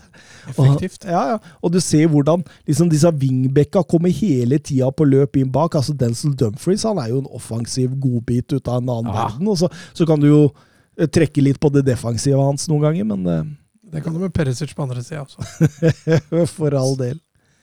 Eh, voldsomt voldsomt imponere av Inter. som jeg, jeg, jeg ser ikke noen annen serievinner i Serie A, faktisk. Enig i deg. Eh, et annet lag som imponerer stort for tida, Atalanta. De vant 1-2 borte mot Hellas Verona i en ganske jevn match. Eh, matchvinner Coop Miners. Strålende Han har vært bra. Jo, Ja, han har vært strålende. Det ser ut som en igjen en sånn glimrende kjøp. Altså. Mm. Og, og Gasperini, menn eh, kun tre poeng bak Inter eh, nå. eh, kan være med å melde seg på. I gullkampen, ja. Ja. Åpna jo litt svakt, men kommer eh, sterkere og sterkere. Ja, så røyk de ut av, Champions League nå. Overraskende, egentlig. Jeg var sikker på at de skulle ta Villarreal, men det klarte de ikke. Um, så da blir det Europa League for dem å konsentrere seg om. Så får vi se hvor høyt og høyt, høytidelig de tar det. Uh, gjør de det litt mindre, så kan de jo bare fokusere på Serie A. Det tror jeg jeg hadde gjort. også. Ja, du tror det? Jeg tror ikke Gasperini Nei, gjør det, nei, nei, han har bare ett gir, han, vet du. Eh, Napoli, sjokkerende tap mot Empoli. Det kan vi jo mildt sagt kalle det, ja. Eh, tross alt best, hadde faktisk 30 avslutningsforsøk. Men uh, matchvinner Patrick Cotrone, som faktisk er fortsatt Wolverhampton-eiendom. Så at eh, det er en- Empoli slått både Juventus og Napoli. ja men har ikke Empoli overraska litt i år? Jo, ja. Jeg er helt oppe på åttendeplass, tror jeg. Så det er strålende, strålende. Og Roma Å, Flaks for Mourinho nå at han fikk møte et Spezia hjemme. Ja, det, det trengte han, tror jeg. Det var eh, Ja, jeg prater om ikke videre. Var gruppevinner i Conference League. ja. Ja, ja, ja. Han er Mot et lag fra ja. Bulgaria, Ukraina og Norge. mm. Ja, Bodø-Glimt. du slapp av der, da. Han skal ikke gjøre, han skal ikke gjøre vin til vann på så kort tid. Det var forresten et helengelsk 1-0-mål. Det var eh, Tammy Abraham som fant eh, Chris Smalling. Eh, Det har ikke skjedd i Serie A så langt opp. Da kunne sjekke tall til- tilbake til 2004. Det er ikke så veldig ofte du har to engelskmenn på samme lag i Serie A. Da. Og så må vi selvfølgelig snakke litt Dusan Vlaovic, for vi har fått et spørsmål her. De knuste jo Salernitana 4-0, er oppe på en femteplass nå. Er ikke det Fiorentina, det? Jeg tror det. Og Vlaovic med to nye mål. Hvor langt unna Haaland er han egentlig? Bør være en grei reserveløsning for de som ønsker Haaland, men ikke for han, spør Bernt Olav Gjellegjerde Hansen. Spørsmålet er om de som ikke får Haaland, Kan, bør det gå for han? om Vlaovic vil gå dit, være second choice. Det hadde vært mye artigere å gå til en klubb ja, Kanskje han vil til en av de beste, vet du. Altså, Han skårte sitt Serie A-mål nummer 30 og 31 i kalenderåret 2021. Ja, det er ganske gode tall, det. Ja, altså De, de siste 60 åra er det kun to som har klart det i Serie A. De heter Luca Toni og Cristiano Ja, Ronaldo. gode navn, det jo. Jeg ser jo den sesongen står han jo med 15 mål på 16 kamper og to assist. Det er sterkt, altså. Det er én kamp igjen i år. Nei, to. to. Mulighet til å pynte på enda mer. da. Og kontraktsituasjonen hans, uavklart. Eh, sommeren 2023 går den ut. Så mest sannsynlig blir det salg til sommeren. Ja, I vinter eller i sommer. Spørs, da. Spørs, da. Men eh, kan det f.eks. la, la oss si da det blir en kamp om, eh, om Haaland mellom eh, Bayern München og Real Madrid. Kunne Vlaovic gått inn i en av disse to? Jeg, jeg tror ja, han blir fort spiss nummer to. Haaland har opparbeidet seg den statusen som altså Når han går dit, da skal han ha den spissplassen. Um, Vlahovic tror jeg fort uh, kan bli ansett som en litt mer spiss som man bygger opp en sånn type Så lenge vi har Benzemir Lewandowski, så er han bak, og så bygger man på, en på, en, på en måte opp som en etterfølger. Så det du sier, at den som kjøper Haaland, må på en måte sette litt til side Benzema eller Lewandowski hvis det er Real Madrid og, og, og Ja, eller, eller avklare den rollen med Vla... Altså, jeg tror det er lettere for Vlahovic, som kommer fra Fiorentina istedenfor Dortmund, eh, å akseptere at det tar én, to, tre år før jeg er første spiss der. Mm. Men jeg får litt spilletid underveis. Det tror jeg han fint kan være med på, som en ung spiller som kommer fra Fiorentina. Eller kanskje han går til en litt Altså klubb på neste trappetrinn. Altså, la oss si eksempel et Tottenham eller et Newcastle Eller Barcelona. Eller Barcelona. Eller Wolfsburg. Oh, ja, takk. Kanskje han blir erstatteren til Haaland i Dortmund? Vi går over til Ligue Ø. sur la frappe de Messi de, De de Mercado, Mercado, oui. Mercado, et, et là aussi on a un petit peu de réussite. Griezmann sur l'appui, c'était bien joué avec Giroud. Oh, Zidane. Oh, Sylvain, il l'a vu. Oui. Kylian Mbappé. Kylian Mbappé, il l'a vu. Ça fait 4 Et ça fait peut-être un quart de finale pour l'équipe de France. 68e minute. Oh, la joie collective parce qu'ils ont tous jailli du banc pour aller saluer cette passe décisive géniale de Giroud et ce doublé pour Kylian Mbappé. Ja. Eh, PSG Monaco. Skal vi sette på vår vanlige plate igjen, da? Ja, men altså eh, eh, Ja, jeg Syns Monaco- Monaco åpner bra. Ja, jeg syns det også. Jeg syns Monaco spiller en, eh, en veldig god førsteomgang, egentlig. Ja, absolutt. Eh, egentlig det klart beste laget i Mhm. første omgang. Eh, Diop spiller jo ballen i, i stanga før omtrent publikum har fått satt seg der. Og, eh, men så er det jo Di Maria som blir felt av CDB etter bare åtte minutter. VAR går inn, sier hei. Her har det skjedd Jeg blir jo tråkka på. Ja, det, det er helt riktig. Ja. klønete av CDB. Altså. Det er jo, Da fungerer jo hva som det skal, for det er soleklart. Og da, den er faktisk clear and obvious, så det er helt greit. Mbappe banker ballen i mål bak Nybel, så han knapt nok klarer å reagere der. og Da, da har de tatt eh, ledelsen 1-0. og Mbappe jubler ganske heftig for at det liksom på en måte er mot sine egne, altså de som flaska han opp. Han fortalte jo til og med før kampen her at denne kampen kommer til å være spesiell, og kommer alltid til å bli spesiell. Mm. Og var voldsomt, Han brydde seg ikke om eh, det, for å si det sånn. Han glemte det når han skåra. Han glemte det, men, men samtidig Monaco. Flere gode angrep, masse målsjanser. Ben Yeddi, Diop, Maripan har vel et par der. Chouameni. Altså, altså en god Donnarumma og marginer som hindra PSG. Ja, den der hvor han altså. kaster seg ut i beina på en og ofrer liv og helse der, det er eh, ja, ja. uredd keeperspill, altså. Jeg syns rett og slett at eh, Niko Kovac sine menn er gode her. Altså, det, det, det, altså PSG får jo knapt nok kontra en periode der. Det er, det er fullt kjør, men uh, så skjer det.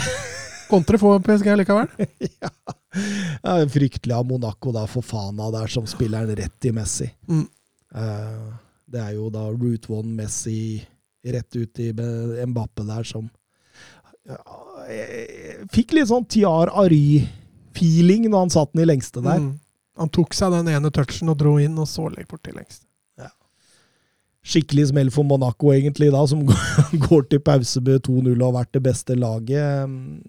Mbappe med sitt hundrende mål for Paris Saint-Germain. Yngste til 100 mål i fransk toppdivisjon. Siden i hvert fall 50-51-sesongen, slik Oppda kunne regne på det. det er Tenk det, at Oppda plutselig hadde et tall fra 50-tallet, Mats! Jeg har jo stort sett vært vant til at Oppda bare har tall til sånn tidlig 2000-tallet, vel? Ja, for de, de altså, Målskårerstatistikker de har, de har man jo uansett, men sånne assist og sånt, og alt annet blir jo først begynt å telles for godt sånn rundt Mm. den tida der. Mm. Eh, annen omgang eh, blir jo et aldri så lite gjesp, fordi Mm. lufta går veldig ut av Monaco, Mats. Ja, det gjør det. Det er PSG kontrollerer inn siste 45, og det er egentlig aldri noe tvil etter i andre omgang der. Nei, altså i balanse, holder godt i ballen og stenger av rommene mellom stopper og bekk, som Monaco ofte brukte mye i første omgang. da, og da Altså i hele tatt en helprofesjonell annenomgang av PSG. Bruker lite krefter, eh, kontrollerer kampen, og, og, men du ser samtidig at eh, den der 2-0-skåringa var ganske hard for Monaco. altså det, det var ingen, Føltes nok voldsomt urettferdig. Den gjorde nok det. Og PSG da med 14-3-1 på sine første 18. Eh, det er 13 poeng foran Marseille på andreplass. Det er jo Det, er- det, er, det er jo Det, det er avgjort der kjørt. Det er kjørt. ja, det er det. Eh, Messi, god mot Brygge i midtuka i Champions League. Får med seg en assist her, men altså ti kamper, ett mål, fire assist. Hva sier Messi, fanboy? Nei, han har ikke vært Han er ikke like gnistrende i PSG, men jeg syns han ser litt demotivert ut òg. Jeg, jeg syns ikke det er samme Altså, han var dårlig presspill i Barca. Her syns jeg han er enda litt verre. Eh, Men det er klart, han, han glimter jo til da med magien sin innimellom, og da husker man jo på hvorfor man er så forbaska forelska i ham. Mm. Mm. Vi kan også nevne det at eh, Renn Nis endte 1-2. Eh, dermed gikk Renn forbi Nis opp på en tredjeplass bak eh, PSG og eh, Marseille. Eh, vi kan også nevne det at Marseille vant 0-2 i en ganske jevn kamp mot Strasbourg, hvor Dieng må jo hylle i hvert fall det målet. Fantastisk brasse etter 62 minutter der. Eh, Ja, nevne også at Patrick Berg er sterkt rykta til eh, Lance. Ja, stemmer det. Det kan fort skje, det der. Jeg skjønte det var kontakt der, i hvert fall på, mellom både klubbene og klubb og spiller. Det er ganske interessant. Det er Men det var det jo med Rosenborg og Kjetil Knutsen, og gikk jo ikke så bra, det. Så. Den trenerjakta der, det har blitt Den er, den er eh, morsom. ja, det er morsom å den følge med. Hysterisk, altså. ass. ja, helt går fantastisk. fra Kjetil Knutsen til Kjetil Rekdal på en uke. Det styremøtet der skulle jeg gjerne vært på. Altså. Ja, men det er jo Tottenham eh, sommeren 2021. det. Jo, men der bevega man seg sakte, men sikkert nedover, hvis du skjønner hva jeg mener. Her har du gått fra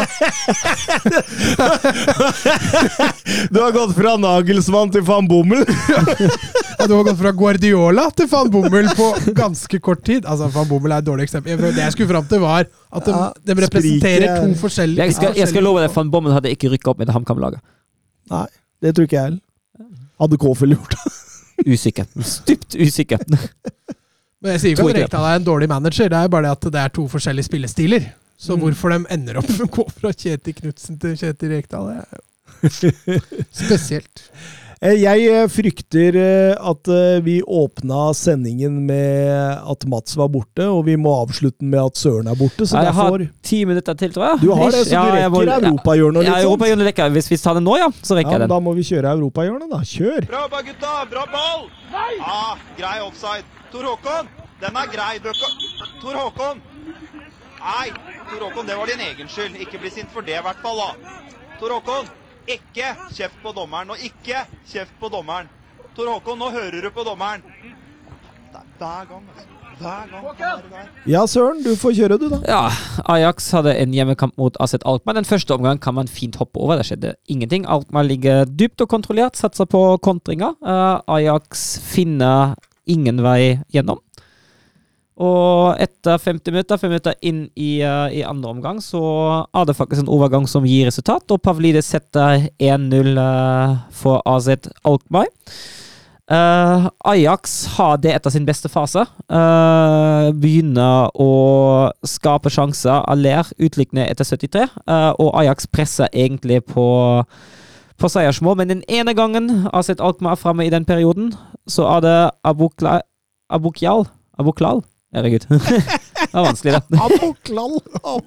Abokkjall. Abuklal. eh, som ja, eh, du hørte det var litt nederlandsk der. Det ja, siste tror jeg, jeg jeg, var jeg, jeg, jeg, jeg, lurer på om han er marokkaner. Men, Men, eh, men det som, jeg, jeg kjenner meg igjen, fordi når jeg ser på Anderlecht Ja. med de der kommentatorene Jeg sliter med å høre om det er fransk eller belgisk, eller hva de Ja. sier for noe. Så hører du bare sånne ord innimellom og navn og sånn, men det er jo klin umulig å herme etter det. ja da, det er jo det. Nei, og han setter da 2-1 til Asset, og Ajax svarer med å prøve å utligne. Utligna på overtid, men det målet blir korrekt annullert av VAR for offside. Og da ender Ajax altså opp med å tape hjemme mot Asset Alkmaar etter en uh, Ohoho. forholdsvis svak prestasjon. Uh, Feyenoord de spilte 1-1 borte mot Groningen, eh, mens PSV vant 2-1 borte mot NEC Nijmegen.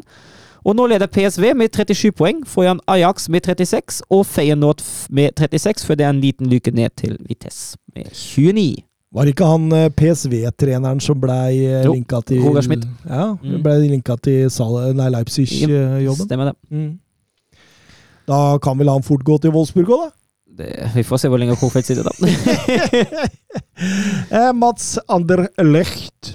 Anderlecht. De spilte mot eh, Seraing, eh, en eh, Kall det gjerne topp mot bunn-kamp. Eh, fullstendig overlegen Anderlecht. Eh, kunne fint ha leda 3-0 før det gikk ti minutter. Eh, såpass overlegne var de. Spilte ut Seraing eh, etter alle kunstens regler, og når det først løsna, så, så løsna det skikkelig. Kwame som plakker opp en retur der som han setter i åpent mål. Refalov Refalo fortsetter målformen to minutter seinere, og så Sirksi med en herlig, herlig scoring på tampen av første omgang, som gjør at Anderlecht går til pause på 3-0, og da Kampen er jo for lengst avgjort, egentlig. Eh, Anderlecht relativt eh, relativt underholdende å se på dem når det fungerer, det har jeg vært inne på før. Eh, et artig fotballag når det glir.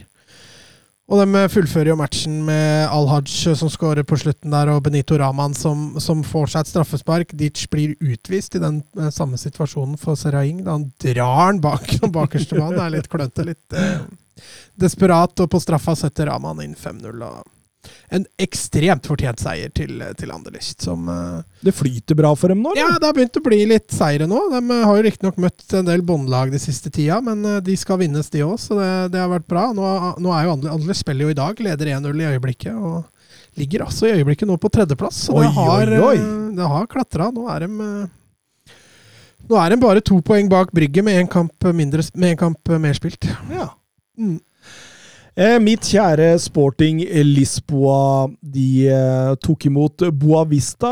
Eh, to lag i en ganske rein eh, 3-4-3. Det ene laget et par kvalitetstrappetrinn bedre enn det andre, og Sporting kjører vel egentlig over Boavista fra start. Det er kun marginer og en fantastisk eh, god keeper mellom stengene som gjør at de ikke ligger under tidlig i kampen. Vi har store sjanser med Gonsalves, med Santos, med Mateus Reis.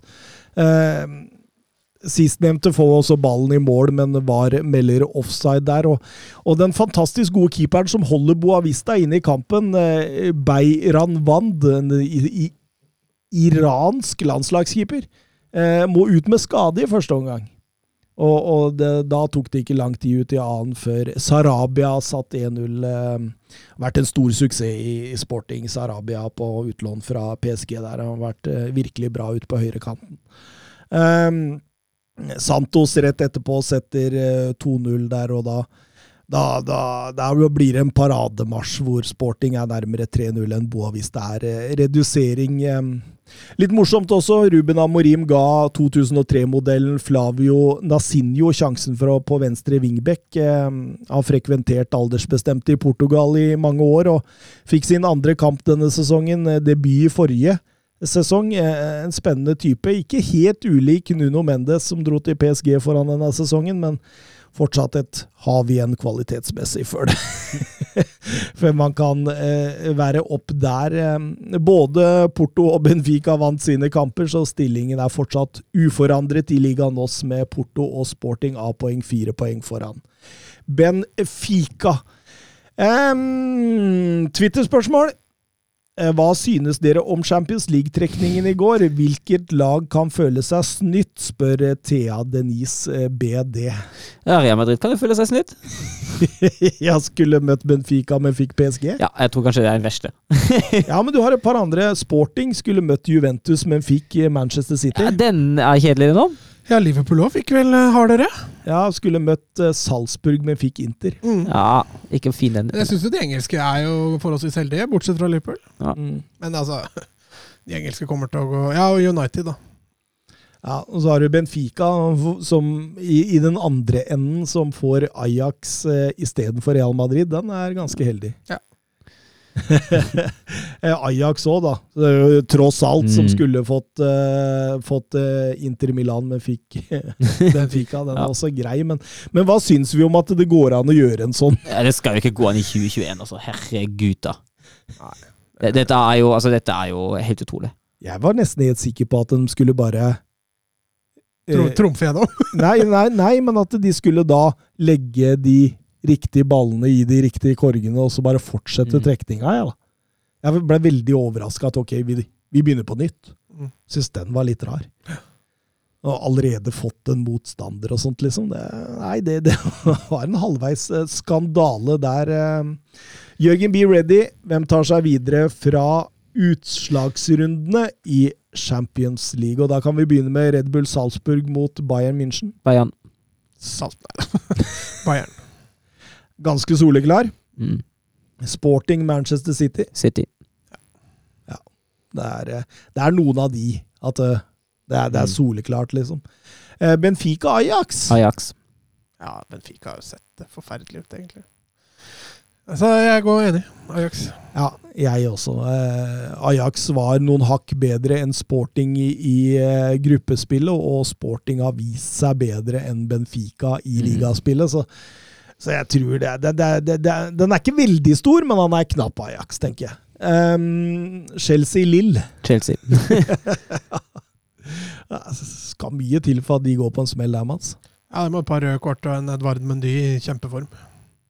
Atletico Madrid, Manchester United. Og United. Åhåhå. Fordi jeg tror utviklingen under Ragnhild kommer til å bli bra. Det er derfor jeg tror United. Ja, for dette er februar. Ja, det er akkurat det. Men jeg tror allikevel Atletico er en kjip motstander for et Ragnhild-lag. Det tror jeg òg. Jeg tror det, men For Atletico de kan fint finne på å slå langt, og da Mm. er det høye presset litt ubrukelig allikevel. Ja, jeg tror fortsatt United. Ja, jeg, det kan gå være, jeg skal gå imot deg. Jeg skal si Atletico. Åh, den, er, den er vanskelig. Den er jæklig vanskelig. Si uavgjort, da, så er vi Begge, ja, begge går videre.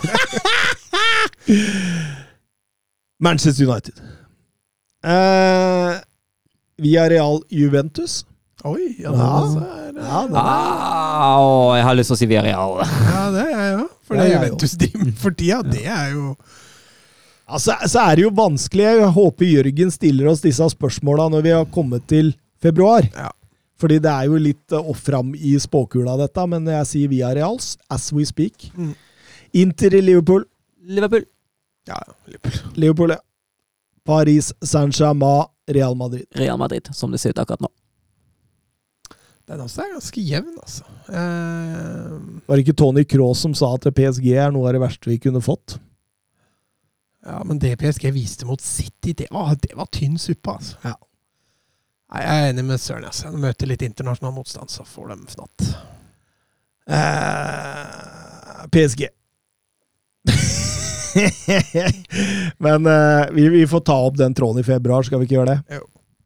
Eh, skal vi si ha det bra? Ha det! Adjø! Hei!